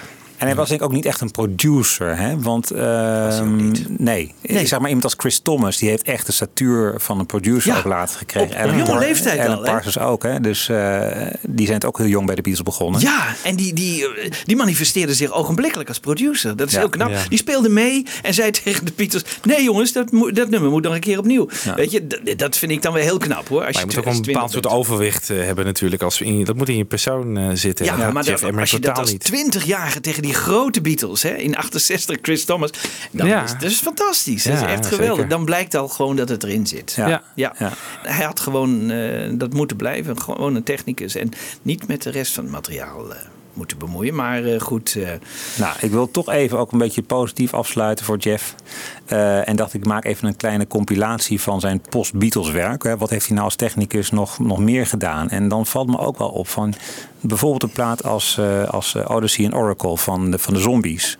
Wat ik echt een heerlijke plaat vind. Dus echt van, van, Ja. van alle jaren, echt ook typisch een, een heel sterk album hè, als Ja, geheel. Fantastische plaat, ja. Daar zit hij achter de knoppen. Dus dat album, waarom, waarom is het zo goed? Ja, ook omdat het zo goed klinkt. Omdat je gewoon basloopjes hoort, je hoort koortjes. Het is gewoon eigenlijk een hele Beatles-achtige plaat. Dus hij neemt al die bagage mee, pompt dat in die zombies.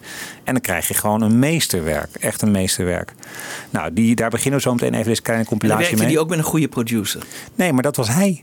Was hij? Dat was hij voor die, voor die plaat. Maar deed hij de techniek en de productie? Volgens mij wel. Maar dat is me niet altijd duidelijk. Als hij als, als inderdaad eh, wordt opgevoerd als plaat waarin hij heeft meegewerkt, dan is hij volgens mij heel vaak toch de technische man. Maar ik kan me vergissen, maar volgens mij voor Zombies eh, was hij ook de productie. Ja, ja.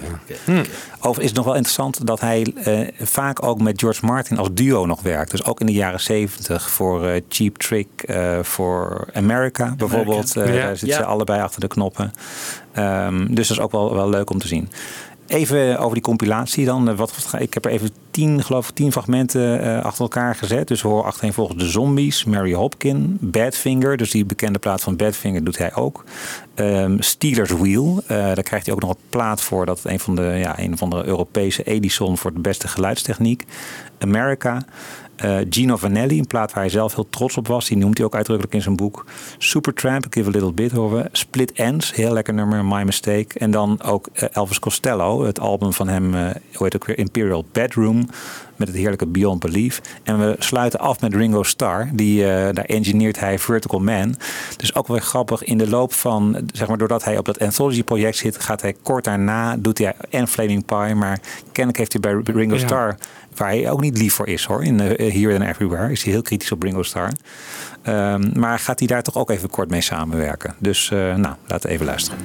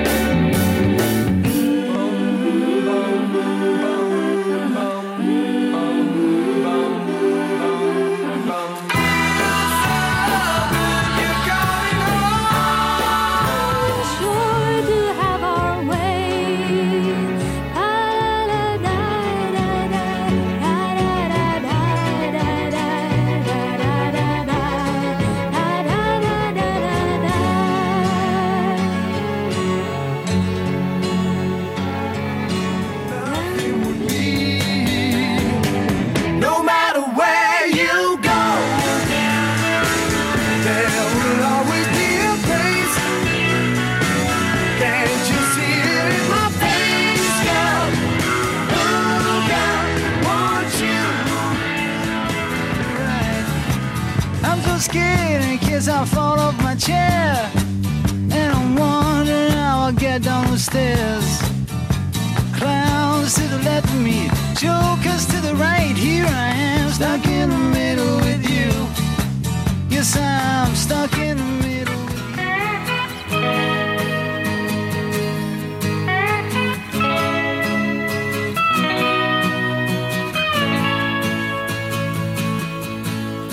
I tried to make it Sunday, but I got so damn depressed that I set my sights on love. I make the sensual sacrifice, love of my life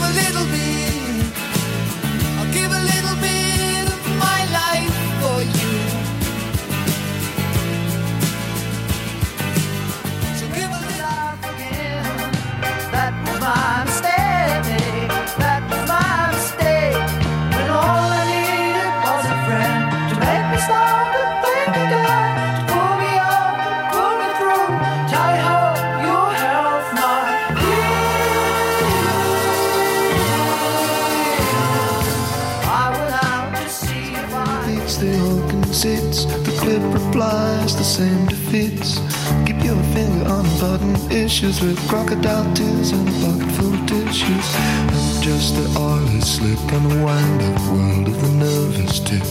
In a very fashionable after all. If you feel like giving up, if you feel like you've had enough, let it go. Don't you know? Jeff Emmerich en zijn werk eh, naast de Beatles. Ja. Er zit een mooie speel tussendoor. Dat Give a Little Bit bijvoorbeeld. Dat wist ik helemaal niet. Dat Ja. is natuurlijk ja, geweldig. Ja, dat hij dat, klinkt, gedaan heeft. dat ja. klinkt, hoe al die platen klinken eigenlijk. eh. Ja. Hoe oud is hij nou geworden? Niet zo oud, heel oud, toch? Nee, hij is Nee. dus 72. Ja, Ja. Hij was ook niet zo blij, geloof ik, hè, met de nieuwe eh, remixen van eh, Pepper en, eh, en de White Album en zo. Dat was natuurlijk zijn werk, wat eh, nu Charles Martin Dunnies ging overdoen. Dat, Ja. eh, Ja. dat zinde hem niet. Nee. Had hij misschien zelf wel willen doen, toch? Zou dat het Mm. ook geweest zijn? Of denkt hij van ja, ik heb het toen gedaan en het was goed? Ja. Kan ik me bijna niet voorstellen, maar... ik denk ook dat hij ge- het gevoel had dat hij wat te weinig credits eh, kreeg. Ja, precies. Ja. Dat de meer, niet niet zozeer dat hij het had willen doen, want dat beseft hij wel. Ik bedoel, hij was, niet, hij was geen goede mixer. Maar eh, wel dat, dat, dat hij te weinig credits kreeg. Ja, dat denk ik wel. Ja. Ja. ja. Goed. Nou, Paul heeft ook nog een kleine tweet aangeweid. Nou, klein en heeft een heel verhaal. Ik ga het maar niet voorlezen. Het is een hele brief zo'n beetje die hij heeft geschreven. Heeft zijn geboortejaar nog verkeerd boven het kopje staan, zie ik trouwens. Alsof hij in Oh, jammer. 46 geboren is. Oh, dus meneer Stewart, eh hoe heet hij ook weer? Stewart nog Bell. wat? Stewart toch niet ja, die heeft- goed. nee, die, eh, nee, ontslaan die man en nooit meer iets mee te maken hebben. Ja. Goed. Goed. Dat was Jeff. Ja. Ehm, die komt vast nog in onze Abbey Road en eh, White Album besprekingen ter sprake. 12 november overlijdt Stan Lee. Oh ja. Ja, er is niet heel veel over te melden eerlijk gezegd. Bekende striptekenaar, Marvel Comics. En hij heeft heel veel superheroes bedacht. Zoals Spider-Man, eh die Avengers, eh die X-Men, de Daredevil. Heeft, ja, zowel voor Ringo als Ja. voor Paul heeft hij superhelden willen maken. Paul was wel een groot fan van hem, hè? Ja. Ja, want die heeft ook daar eh, Magneto Entertainment en zo. eh. Oh ja, heeft hij dat eh, gemaakt, Stan Ja. Lee? Ja. Dus die, die, die tekeningen die je ervan kent, die, dat is, heeft Stan Lee getekend. Ja, ja. Ja. Dus op Singeltje en op de Wings of America. Ja. ja. ja. Dat is verder nooit wat mee gedaan, toch? Dat was alleen, het is geen verhaal geworden of zo. is Dat geen klinkt verhaal niet zo. geworden. Nee. Nee. En met Ringo dan, hoe zat dat dan? Ja, en Ringo die heeft eh, Stanley in 2005 ontmoet. En Ja. ja. het enige wat we daarover weten is eh, dat Ringo een soort superhero Ja. character zal, moet, zou worden. Ja. Die ehm, ja, niet alleen maar heel erg betrokken is bij mensen. Dus een commitment to people. Maar ook zijn eh, unieke geestigheid, zijn uni- unieke humor. Die zou die superhero moeten verenigen. Samen met allemaal geheime krachten. Waar mensen niet van weten. Om- omdat hij ze geheim heeft gehouden tot, tot nu. En dus als een hero komt het. Ja, ik vind het toch een beetje moeilijk. eh, Ringo Starr als, als superhero in een strak pak. Ik moet er maar niet aan denken. en, bij, eh, en bij McCartney zou die zijn geheime kracht in zijn gitaar zitten, geloof ik. Dus eh, het is de fantasie gaat niet heel ver. Of heel diep. Ja.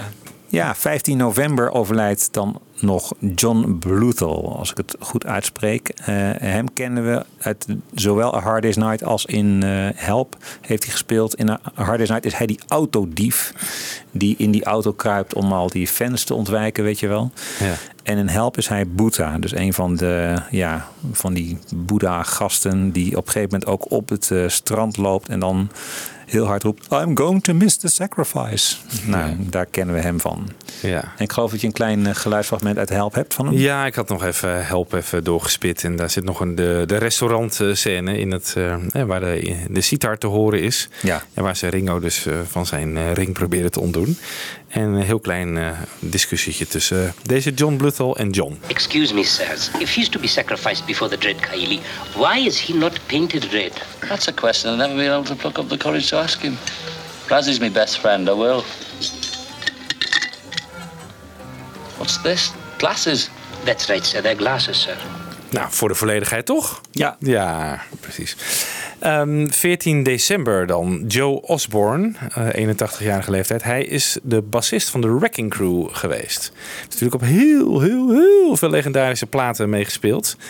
Eh, wat heeft hij nou met eh, de Beatles te maken? Nou, hij heeft ooit samen met George gespeeld op ehm, Is This What You Want? Het album van Jackie Lomax. Daarvan kennen we natuurlijk eh, het nummer Sour Milk Sea. Dat is toen in Londen opgenomen. Maar er zijn ook sessies geweest in, ehm, in New York. En daar eh, spelen George en die Joe Osborne dus op een aantal nummers eh, samen. Met eh, Jackie Lomax en Hal Blaine geloof ik ook op drums. Ook van de Wrecking Crew. Ik heb even dat album wat beluisterd. Waar kun je nou duidelijk George en die Joe horen? Nou, dat is onder andere op Speak To Me.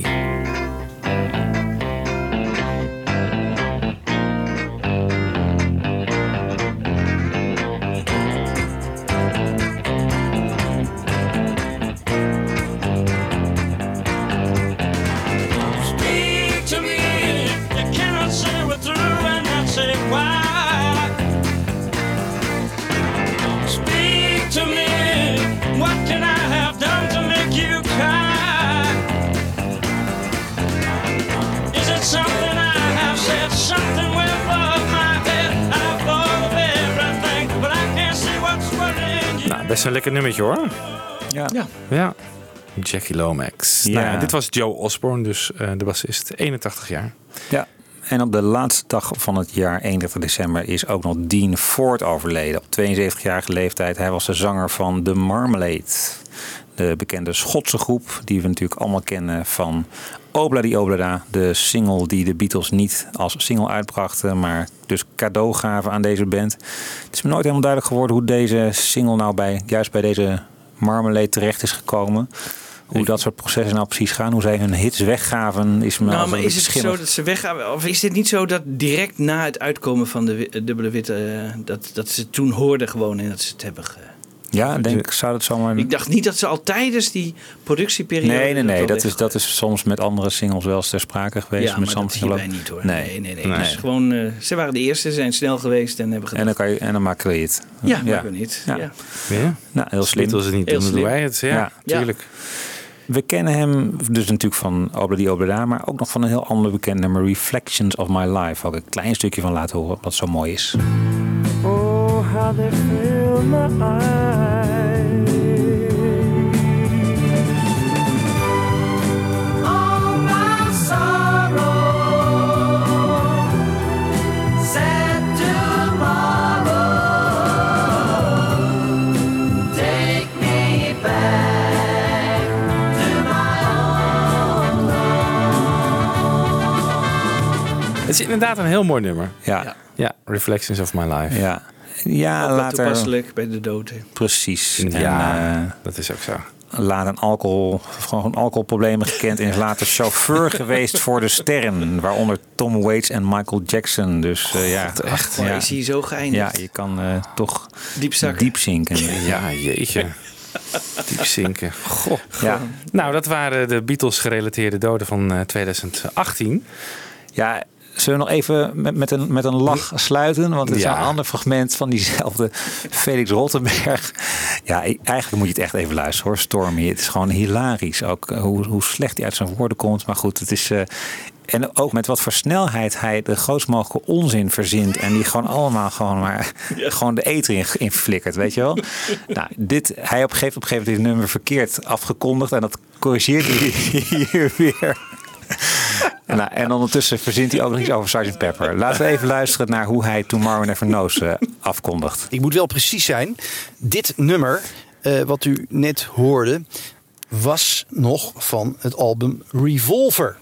En eh, Revolver was nog in de periode dat de Beatles toerden in Amerika. Ze werden er helemaal doodziek van. Eh, in Japan werden ze bijna als bandieten behandeld. Eh, nou, daar zijn hele verhalen over geschreven. In 1966 kwam Revolver uit. Dat is tussentijds is dat opgenomen. En toen begonnen ze dus al te experimenteren met die nieuwe technieken. En eh, daar was dus eh, dat nummer wat, waar dit programma mee opende een voorbeeld van. Later, toen ze er echt helemaal schoon genoeg van hadden. en eerst op vakantie gingen, drie maanden. Werd in 1969 werd Sgt. Pepper's Lonely Hearts Club Band opgenomen. En daarvan gaan, van dat album gaan we lopen, luisteren naar het prachtige nummer Being for the Benefit of Mr. Kite. Oh, jongens, jongens, jongens. Oh, oh, oh. Ja. nou ja, hij had op zich eh, ja, een aantal punten. Ja, bandieten in Japan. Ja. Maar dit van dit duurt maar een minuut. En er zitten gewoon... al- 1969, Sgt. 19, Pepper. en dan ja. drie maanden vakantie eh, voordat ze dat allemaal... maar hoe verzin je dat allemaal? Vraag ik me Ja. gewoon af. Ja. Waar haal je dat vandaan? En hoe, ja. Ja. Goed, als je eens een keer flink wil lachen, nog een uurtje, dan moet je het lekker luisteren. Dat, eh, Doen we dat. Ehm, zoals we aan het begin al aankondigden, gaan we ook even wat leuks doen. Namelijk de top 2000. De top 2000. NPO Radio 2. Ja, want jullie hebben het allemaal op Facebook, eh, tenminste als je ons op Facebook volgt, eh, wel meegemaakt. Dat eh, wij hebben een oproep gedaan om massaal op Hey Jude te gaan stemmen. In de, voor de top 2000. Omdat we natuurlijk wilden dat de Beatles hoger kwamen. En dat, ja, vorig jaar was het 63 geloof ik. De hoogste notering van de Beatles. En ja, hmm, toch een beetje mislukt. Want we zijn gezakt met Hey Jude naar plek 70, dus zeven plekken lager. We hadden op Let Let It Be moeten stemmen achteraf. Ja, achteraf hè, ja. Dat was natuurlijk om de, vanwege de carpool karaoke, omdat McCartney het daarover had. Oh ja, natuurlijk. Eh, Ja. heeft hij Ja. Let It Be. Ik denk dat dat de reden is geweest dat Let It Be nu eh, omhoog is gegaan. Maar dat was nu ook al naar plek 52, geloof ik. Dus ja, nog steeds te laag. Dus wij wilden eigenlijk het fenomeen eh, Beatles in de top 2000 dus even onder de loep gaan nemen. En daarvoor eh, hebben we de huisstatisticus van de top 2000 benaderd, Tom Goris. Tom, goedemiddag. Ja, goedemiddag. Goedemiddag. Huisstatisticus van de top 2000, hoe word je dat eigenlijk? Ehm, ja, hoe word je dat? Door, ehm, nou, hoe zal ik zeggen? Ik denk dat je dat het best kan omschrijven door gestuurd toeval. Oh. Ik had die lijsten ooit nodig om, eh, voor een wiskundeopdracht. En ik zit nu toevallig ook met die club die die opdracht maakt. Zit ik nou weer eh, bij elkaar in een hotel in eh, Driebergen, Zeist. en ehm, daar hadden we de lijsten nodig die er toen op dat moment waren. Dat waren er toen, in 2008 was dat een stuk of tien. En uiteraard kwam er vanuit Radio 2 de vraag van ja, wat wil je ermee gaan doen? Ik zou een wiskundewedstrijd maken. En toen kwam een paar maanden later de wedervraag van, oh, zie je mogelijkheden om, om grappige statistische dingen rondom die top 2000 te doen? Ja. Eh, en wil je daar eens over komen praten? Nou, daar had ik wel wat eh, ideeën over. Ja. Dus dat, toen is dat begonnen, eigenlijk in 2007. als ik me niet- Oké, dus je doet het al ruim tien jaar. Ja. En in het dagelijks leven ben je dus wiskundige? Aan de... In het dagelijks leven leid ik eh, bij Fontes in Tilburg eh wiskundedocenten op. Kijk. Volgens een nieuwsbericht op internet ben je professor in de hogere hitkunde. Oh, dat klinkt, eh, dat klinkt mooi. Een beetje oppassen, hè, want professor is een beschermde titel. Ja, ik. Oeh, vind het wel een betere titel dan huisstatisticus. Dat is ook makkelijker uit te spreken. Maar. hey, maar even de, de Beatles en eh, de top 2000. Ben je eigenlijk zelf eh, Beatles-liefhebber? Ehm, ja, dat is een lastige vraag. Ik had het eh, zien aankopen, dus ik dacht ik ga hem heel diplomatiek beantwoorden. Want als het gaat om eh, de, de eeuwige tweestrijd Beatles-Stones, ben ik een Beatles-fan. Ah, kijk, nou, dat is het enige wat we willen horen. Nou, hey, maar wij, eh, wij maken ons zorgen natuurlijk over de Beatles in de top 2000. En met name onze eh, luisteraars. Ik, als ik heel eerlijk ben zelf, denk van ja, het is leuk. Ik zou het leuk vinden als meer mensen van de Beatles zouden houden. Maar de top 2000, ja. Het kan me eigenlijk niet heel erg veel schelen. Maar ik vind het toch wel dat we de aandacht aan moeten besteden vanwege heel veel andere mensen en luisteraars die het eh, wel een dingetje vinden. Wat, wat vind jij, Michiel? Vind- ben- Zit jij ja, het is inderdaad een beetje de stem van het volk. Hè? Daar, je bent een beetje benieuwd van hoe, eh, wat is de, de, de Beatles-peilingen, hoe doen de Beatles het onder het Nederlandse volk. En daar is de top 2000 toch wel een graadmeter voor. Ja. Dus dat, Ja. dat maakt het toch benieuwd. Maar allemaal te zeggen dat het mezelf heel veel kan boeien. Of dat ik me er iets van aantrek. Of dat ik denk van, goh ja, is Bohemian Rhapsody, die, die discussie, is het nou echt het beste nummer aller tijden? Of meer iets waar heel veel mensen op stemmen? Ja, ik, eh, nou, daar kan ik me niet heel veel druk om maken. Is het eigenlijk een representatieve steekproef onder het volk? Ik zou zeggen, aan de ene kant wel, omdat het aantal stemmers gigantisch is. Ja. Ehm, aan de andere kant kun je zeggen van ja, eh, wie stemmen er op de top 2000? Dat zijn om te beginnen mensen die iets met muziek hebben. Ja, dat is, dat is dan logisch denk ik. Hè? Maar het voornaamste wat opvalt is dat eh, die verdeling, eh, de leeftijdsverdeling, kent twee pieken. En er zit precies een generatie tussen. Eh, er zit een piek bij mensen rond de 20 jaar en een piek bij mensen rond de 50 jaar. Oké. En die pieken die, eh, die liggen ook al tien jaar op dezelfde plek. Dus blijkbaar doorloop je als individu een soort cyclus. Dat je als je jong bent, dan stem je. Dan stem je even een tijdje niet en daarna ga je weer stemmen. Ja, ja. Dus in die zin is het, is het ja, eh, representatief. Ehm, vaak zeggen mensen van nee, het zijn alleen maar de luisteraars van Radio 2. Dat is beslist niet het geval. Dat is maar 40% van het aantal eh, stemmers. Dus ja, het is veel Ja. breder dan dat. Ja. Maar er wordt wel gezegd dat je eh, muzikale smaak wordt bepaald in de tienertijd, laat maar zeggen. Hè? Ja. ja. Eh, zie je dat dan ook terug? eh, dus dat iedere keer eh, dat, er, dat er meer nummers uit eh, de tienertijd van de twintigers en meer, tiener, eh, meer tienermuziek uit de mensen van de vijftigers eh, te We vinden hebben het zijn. een keer heel ingewikkeld eh, onderzocht door alleen maar de stemmen te tellen van mensen die eh, gestemd hebben op platen die hits waren toen ze tussen de 16 en de 20 waren.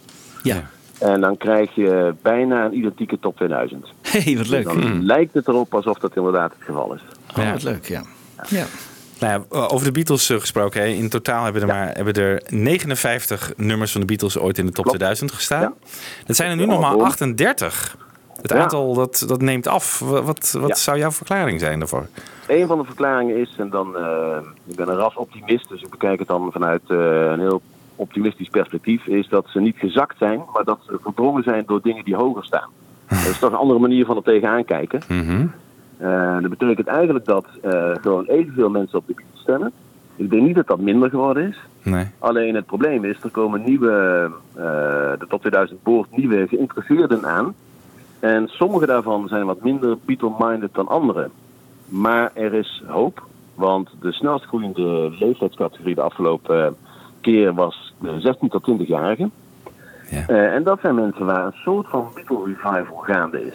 Maar zou je niet kunnen zeggen, er komt steeds meer nieuwe muziek. Ook die nieuwe muziek, die moet allemaal een plek krijgen in de top 2000. Het wordt gewoon drukker. En dus verdwijnen er, eh, ja, ook nummers. Dus het, het, het is in die zin logisch, hè? Als je als, Geldt eh, waarschijnlijk ooit wereldrecords gereden hebt en je houdt op met schaatsen, dan zul je zien dat je langzaam maar zeker eh, uit de boeken gaat eh, Ja. Ja. verdwijnen. Omdat er wel nieuwe dingen boven jou bij komen, maar jij zelf geen nieuwe dingen meer maakt. Maar zo'n Queen komt er natuurlijk wel, wel weer bij met allemaal extra nummers. Maar dat komt waarschijnlijk ook door die film die nu in de bioscopen draait. Er zijn twee effecten daarvoor aan te wijzen. Want er zijn acht nieuwe nummers van Queen die binnenkomen. Je kunt aan de ene kant zeggen, is dat het effect van de film? Maar ehm, je kunt het ook anders bekijken en zeggen van ja, maar er zijn toevallig, want die keuzelijst is al gemaakt voordat de film uitkwam. eh, dat zijn toevallig ook de acht die voor het eerst in die keuzelijst staan. Ah, oké. Dus het wordt door Radio 2 eigenlijk ook Ja. een beetje, nou ja, niet gemanipuleerd, maar gestimuleerd om op die nummers te gaan stemmen.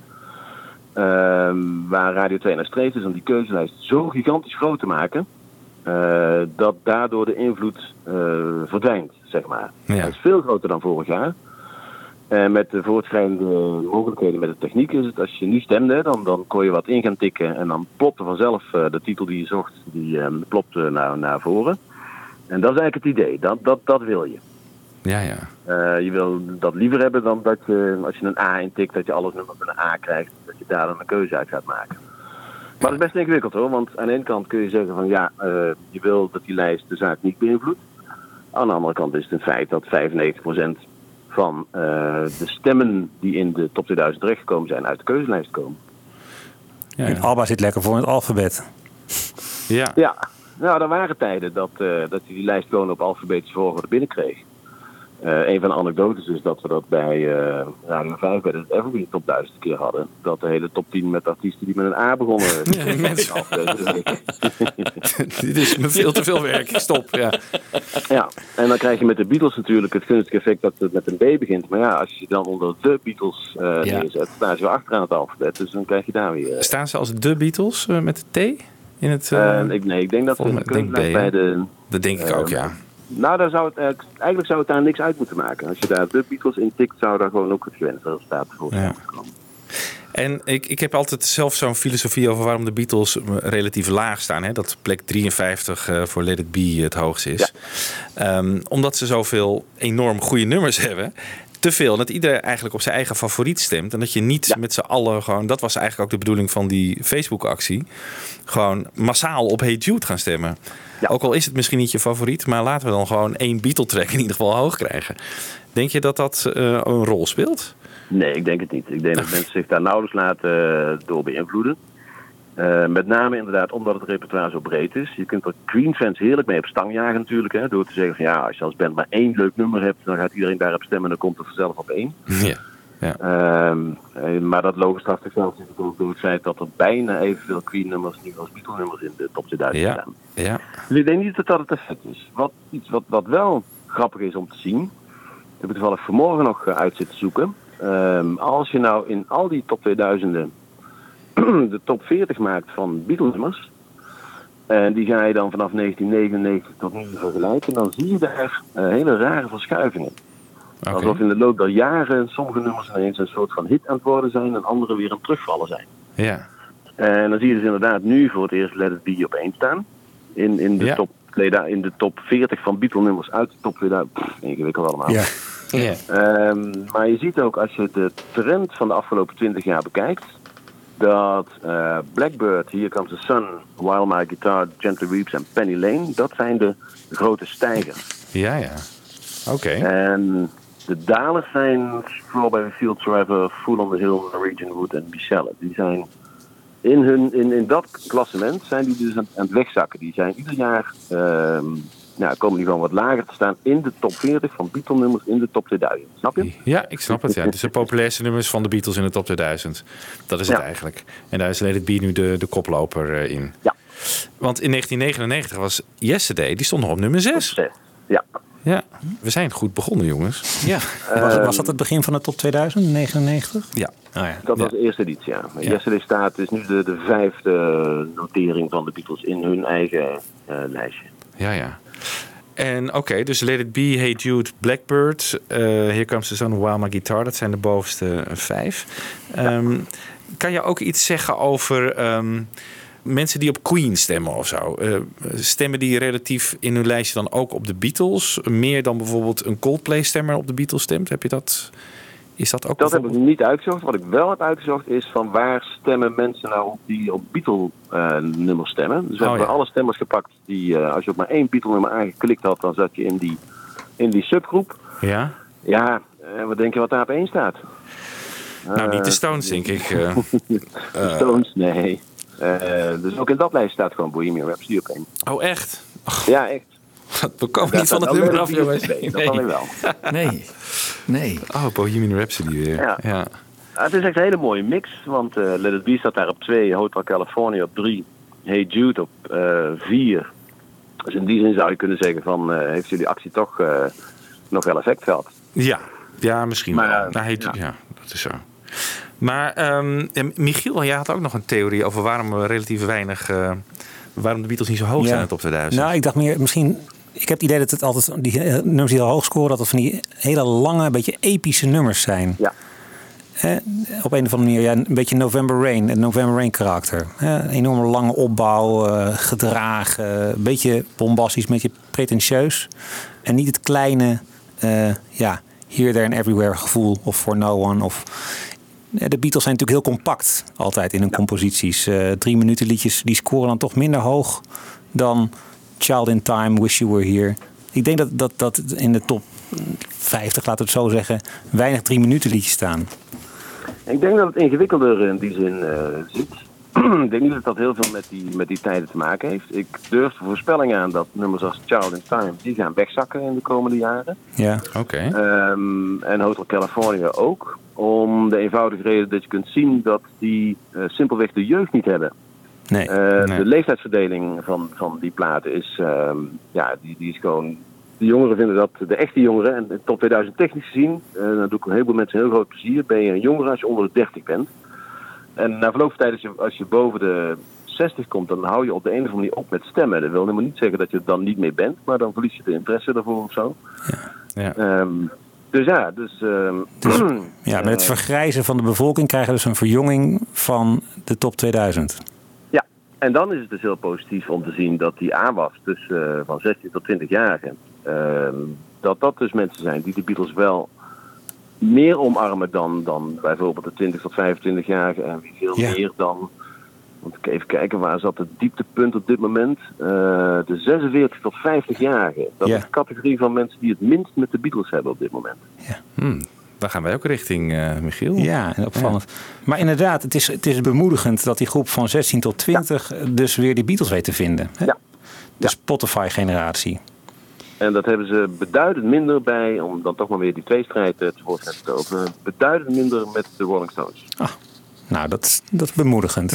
Hugo? Dus, ja, joh, heel blij. Ja. dus mijn voorspelling is dat het volgend jaar, dan is het Queen-effect, eh, al dat soort effecten, die zijn een jaar mee. Dus het effect van die film is volgend jaar voor het deel. Ja. Dan zie je dat waarschijnlijk die aanwas bij de 16 tot 20-jarigen nog wel een tijdje door zal gaan.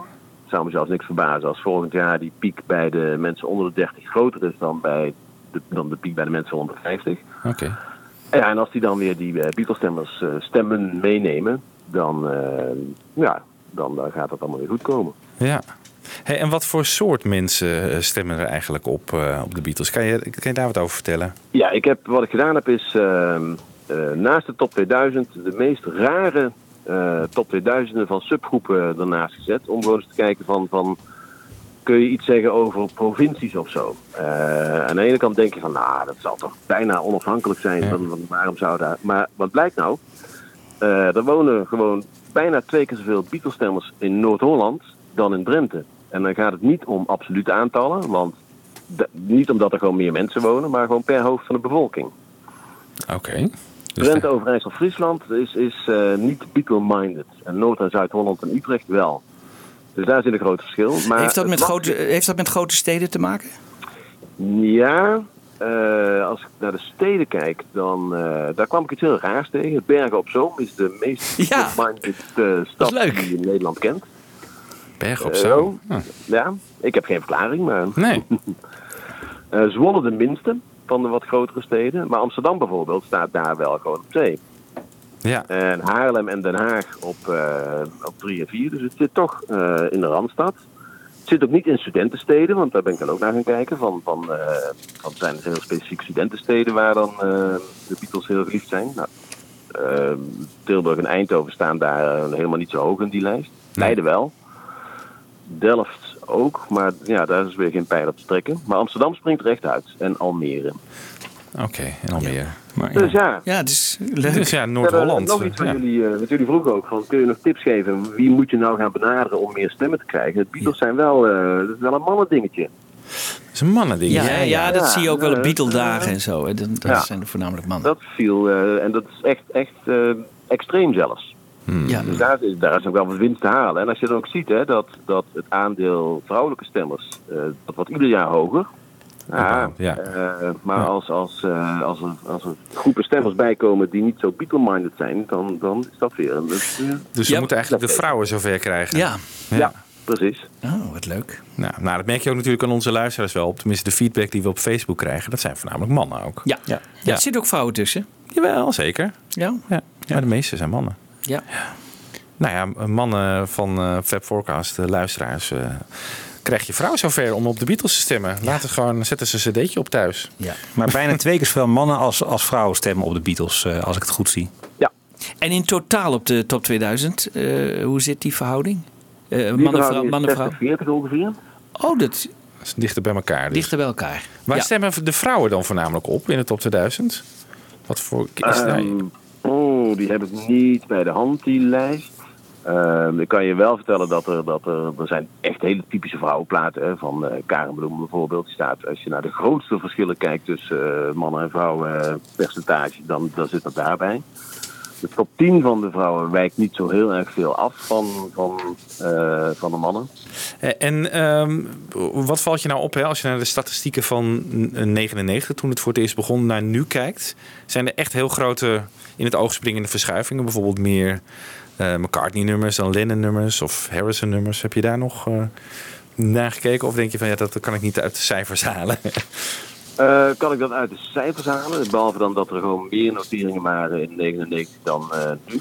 Ehm, zijn er opvallende dingen uit 99 wat daar heel hoog stond. Toen was ook Loves You. Die stond op 527 is nu gewoon weg al sinds een paar jaar. ja. Can't Buy Me Love is weg. Stond op 801. Ehm, Dat voor de echt die oude wel- nummers eh, Ja. zijn eigenlijk verdwenen. Ja. Ja, de En Beatlemania-nummers. wie die stemmers waren, daar hebben we geen idee van. Want we zijn pas vanaf 2007 een beetje aan het kijken van hoe, zet- hoe zijn die leeftijden verdeeld. Zijn er mannen of vrouwen? Ah, oké. Dat we serieus wat aan het analyseren zijn. Weet je wat ik ook een opvallende st- eh, statistisch gegeven vind? Dat hangt niet zozeer samen met die top 2000, maar wel met Spotify. En daar staat namelijk Here Comes the Sun op één van de beluisterde Beatles-nummers. hè, Met, met meer dan 250 miljoen draaibeurten. En Let It Be op twee. Hoewel ik het wel raar vind, trouwens, het eh, nummer drie kent weer meer draaibeurten. Dus ik weet niet hoe ze dat precies samenstellen. Ja. Maar daar scoort dat nummer heel erg hoog. Here Comes the Sun. Ehm, Opvallend eigenlijk, want het is een Harrison-compositie. En eh, je zou toch iets van eh, het Lennon-McCartney-kamp verwachten. Maar ja. Kan dat iets te maken hebben met het feit dat er, ehm, want iets wat, wat helpt, hè, wat, eh, als er een cover van gemaakt is, dan wordt het origineel vaak mee omhoog gefleurd. ja, ja. Dat Hmm. zie je bij The Sound of Silence heel duidelijk. Dat zie je bij eh Hallelujah heel duidelijk. Ja.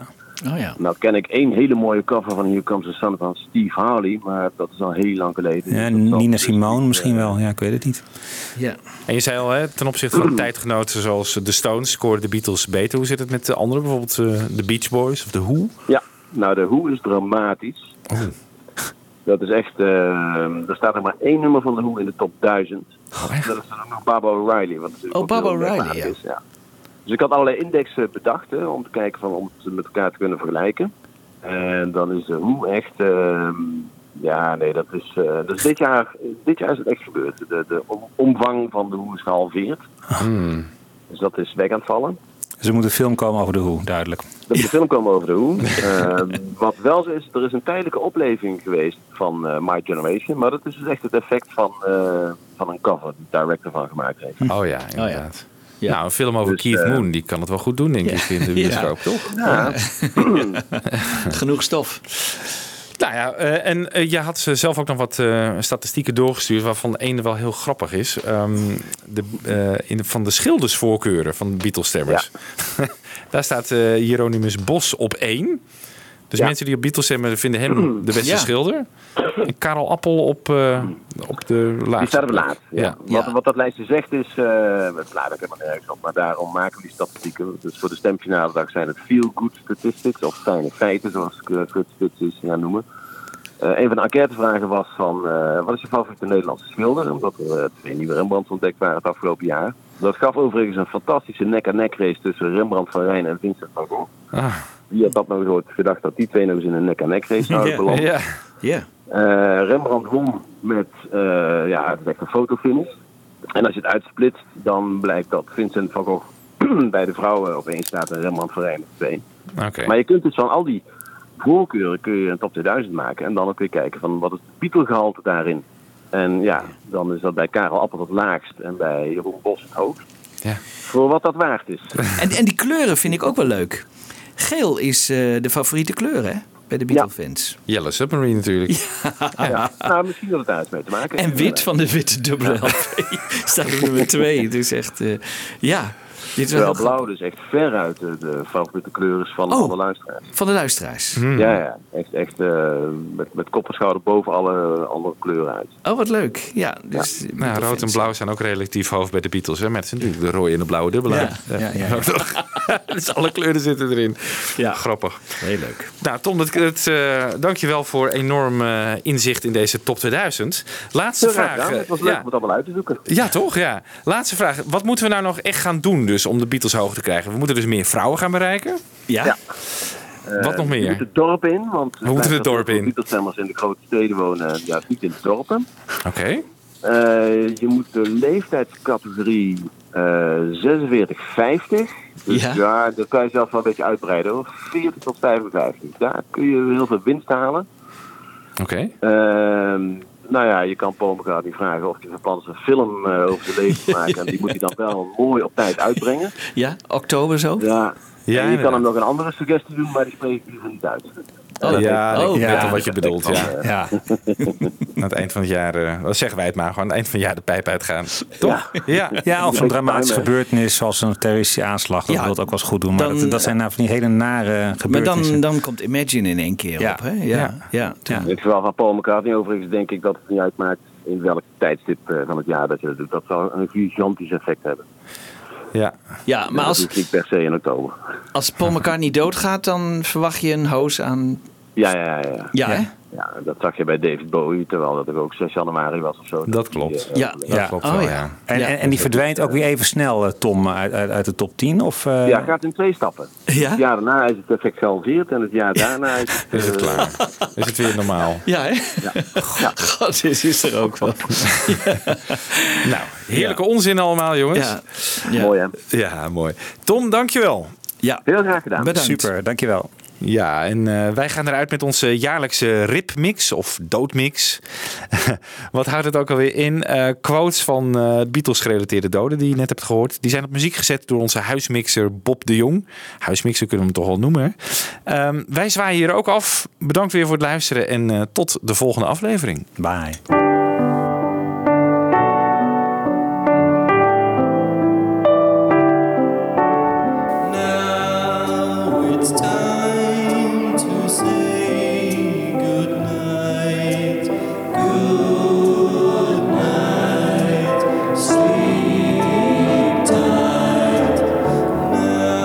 Eventually I, I used to just take the front skin off and, and just put a little bit of packing in and put the microphone really close to, to the bass drum. But I, I got into trouble for that from the, the, the management. And anyway, I, I did get a written permission. I've, I've got a letter somewhere saying that I could move the bass drum mic in to that position, but only on Beatles sessions. But of course, as the, the months and years progressed, everyone was using the same technique, you know.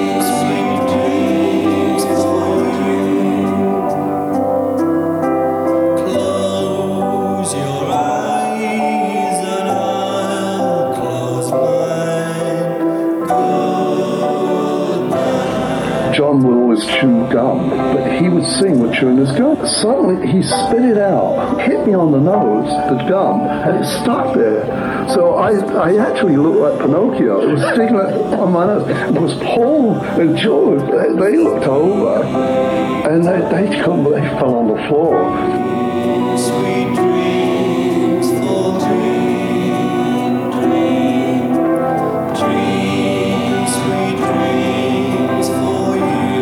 Boys, what do you think of Mr. Ken Dodd? That's great. He's marvellous. He's, he's a good. It's lovely hair. He's lovely hair. hair is lovely. Yeah. We, um, we call it her in Liverpool, you see. We always say the Judy with the fur her. we have a fellow went into one of those shops once in Liverpool where they sell those, uh, you know, minks and things. And he says uh, to the girl, he said, give us one of those uh, hairy coats. Say, I beg your pardon, sir, what fur? He said, for the Judy, who do you think?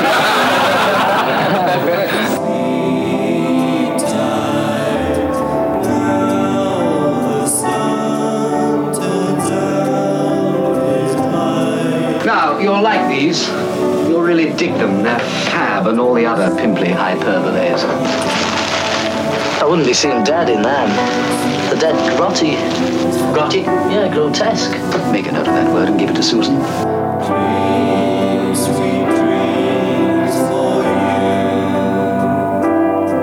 Well, then it was kind of, uh, as you say, a woman's anthem, a battle cry, um, a ma- mantra.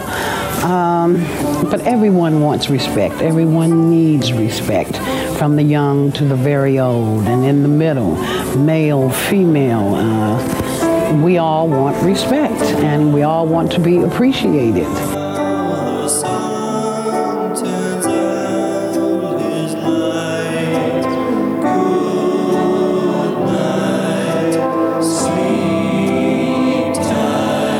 Two sides to George in his path.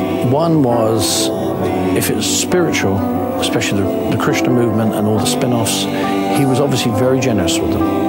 And he was always giving to groups that didn't come from what we, what we would probably call established religions. He gave it to people that believed in God, not necessarily believed in the people that were meant to carry the word of God.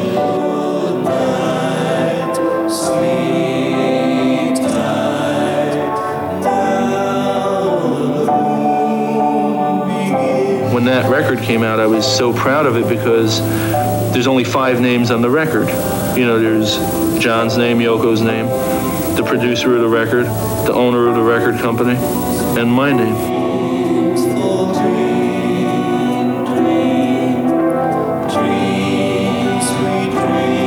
And John got into the limousine,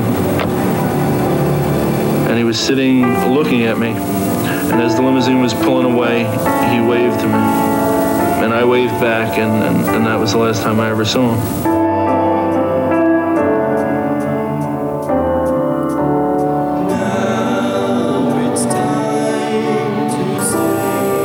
He said that there were a number of people, lots of people in London, who would love to come and work for the management of the Beatles, but he was very leery of a lot of people's motives in this respect. So I agreed that I would come and work for him. I knew nothing about pop music, the music business, the entertainment business. I didn't like pop music.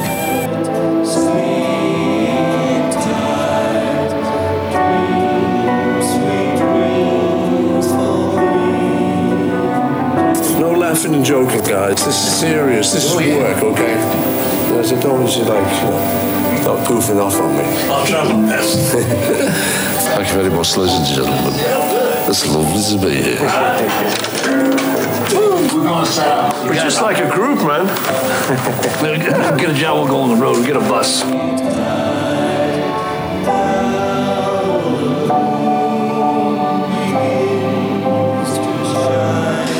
Well, unusual in this kind of uh, of selection, but I don't think too unusual because it's uh, from the Beatles, it's Eleanor Rigby, and I think now we can talk about the Beatles as a classical writers and singers.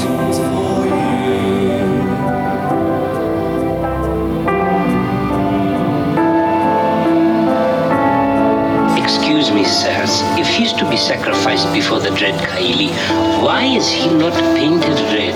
That's a question I've never been able to pluck up the courage to ask him. Razzy's my best friend, I will. What's this? Glasses? That's right, sir. They're glasses, sir.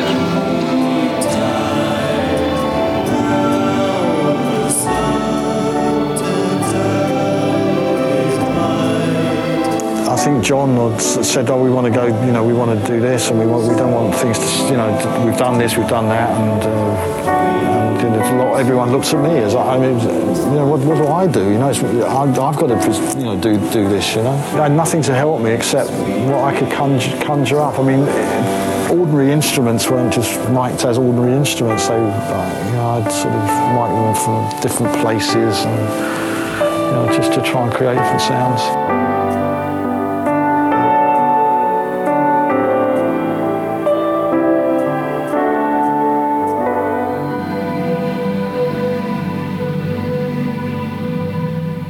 Thank you, Mr. Emmerich. Bye bye. Likewise, pleasure. Thank you. Bye bye. Yeah, bye bye. Bye. Bye. Fab Forecast. Luister ook naar Fab Forecast via beatlesfanclub.nl.